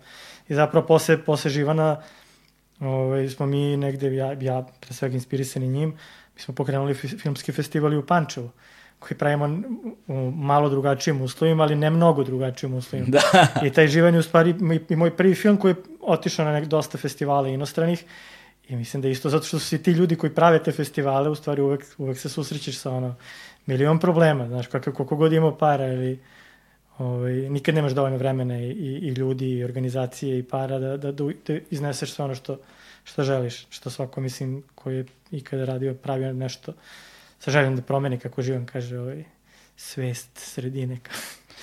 ovaj, Reci mi Da. sada, polako se približavamo kraju ovog našeg a, divnog razgovora i zanima me pre svega um, da li se tvoja stvarnost na neki način promenila nakon celog, celokupnog ovog putovanja i prvenstveno nakon ono, društvene, ne možemo kažemo ni kritike, ali ne može bude kritika kad ljudi nisu ni gledali film.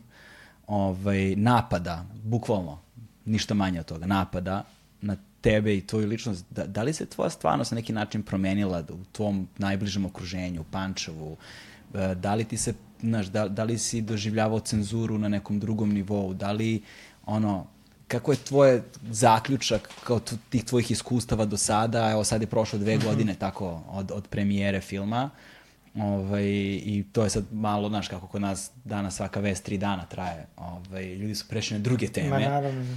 A, kako sad s ovom vremenskom distancom i emotivnom distancom deluje sve to? Pa ne znam, deluje, deluje mnogo davno, da.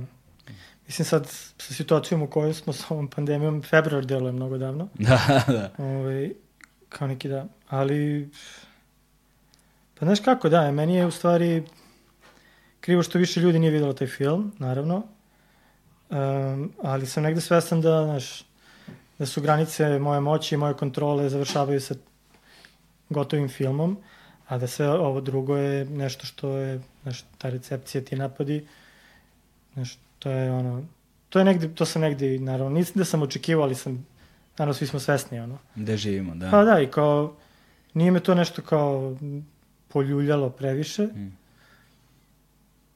više mi je, znaš, nekako, taj film je isto vreme i ovaj, odgovor na te napade, znaš.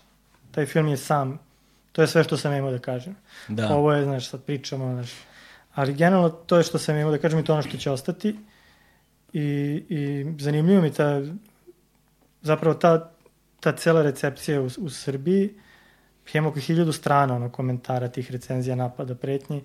Razmišljao sam do toga možda napravim neki novi esej, eksperimentalni neki film, koji je bukvalno o tome, znaš, koji je ovaj, ne o uh, mislim, o tom, o, o tom koprcanju da se, da se o, o, o tom nekom umu koji već ono, unapred već zna i vidi stvari. Hteo sam da u stvari filmujem e, te kritike, znači to kako ti ljudi koji nisu videli film, a već znaju sve o filmu, kako su oni videli film. Teo sam da, želim da snimim taj film, razumeš? Sve tu njihove, da li je to izašlo iz njihove krivice ili straha da. ili koprcanja ili čega god. Ovaj, to mi je, na, na primjer, bilo zanimljivo. Tako da sa te strane svi, a sve ovo drugo oko filma, festivali, nagrade, to, to doprinosi samo, to, to je dobro i bitno jedino ako ti pomogne da lakše dođeš do sledećeg filma. Ja sam to imao i sa Živanom i sa Dubinom, pa mi nije pomoglo da u Srbiji lakše dođem do tereta. Teret je na kraju dobio 30.000 od FCS-a kad je već bio snimljen. da. Razumeš, meni su trebali, meni je novac treba najviše za snimanje, ali da ne ulazimo sad u to, 6, godina smo odbijeni. Ali nadam se da ovaj da, da će taj film ne znam, ipak neće ostati zatrpan, znaš. Ne znam, mislim, kako ti kažem, u, u situaciji sam da dosta sad ljudi žele da vide novi film, a da nisam siguran da će mi da će mi to što je taj teret uradio u inostranstvu sa tim nagradama i sa festivalima pomoći da dođem do sledećeg, lakše dođem do sledećeg filma ovde. Jer svi filmovi koje želim da radim su ovde. Znaš, ne želim da... Da. Znaš, u Jugoslaviji. Da, to. I o tome. Ovaj, ja ti želim svu sreću u tome i zaista bih voleo da u skorije vreme, u bliskoj budućnosti vidimo neko tvoje novo ostvarenje, zato što ovo što sam imao prilike da vidim do sada je zaista bilo ništa manje od genijalnog. Um, wow. Dakle, pre svega svima, ukoliko niste gledali film Ognjena Glavonića, Teret, a, možete da ga vidite na HBO Go platformi i verovato na torrentima, neće se vidjeti tako da skinu. to, pogledajte ga, da Živana, gde mogu da vide Živana? Meni Mislim da pre mesec dana na YouTube-u. Ima ga na YouTube-u. I na Vimeo, i na Vimeo, da. Da, a ako ga ima na YouTube-u, ostavit ću, da. ostavit ću link u opisu profila za Živana, to morate da pogledate, ono, odmah, sad, pauzirajte, vidite, pogledajte, pa se vratite. Mada smo već na kraju razgovora, tako sačekajte kraj razgovora, da, pa ga odgledajte. Ma ne mora, može već. da, ovaj, a ti i ja ostajemo da se družimo još malo. E, da, i ne zaboravite još jednom... A, Ukoliko ste mogućnosti, podržite nas na Patreonu, mesečnom pretplatom, odnosno na Paypalu jednokratnim donacijama. Hvala vam puno svima i završili smo. To je to, kraj. Hmm.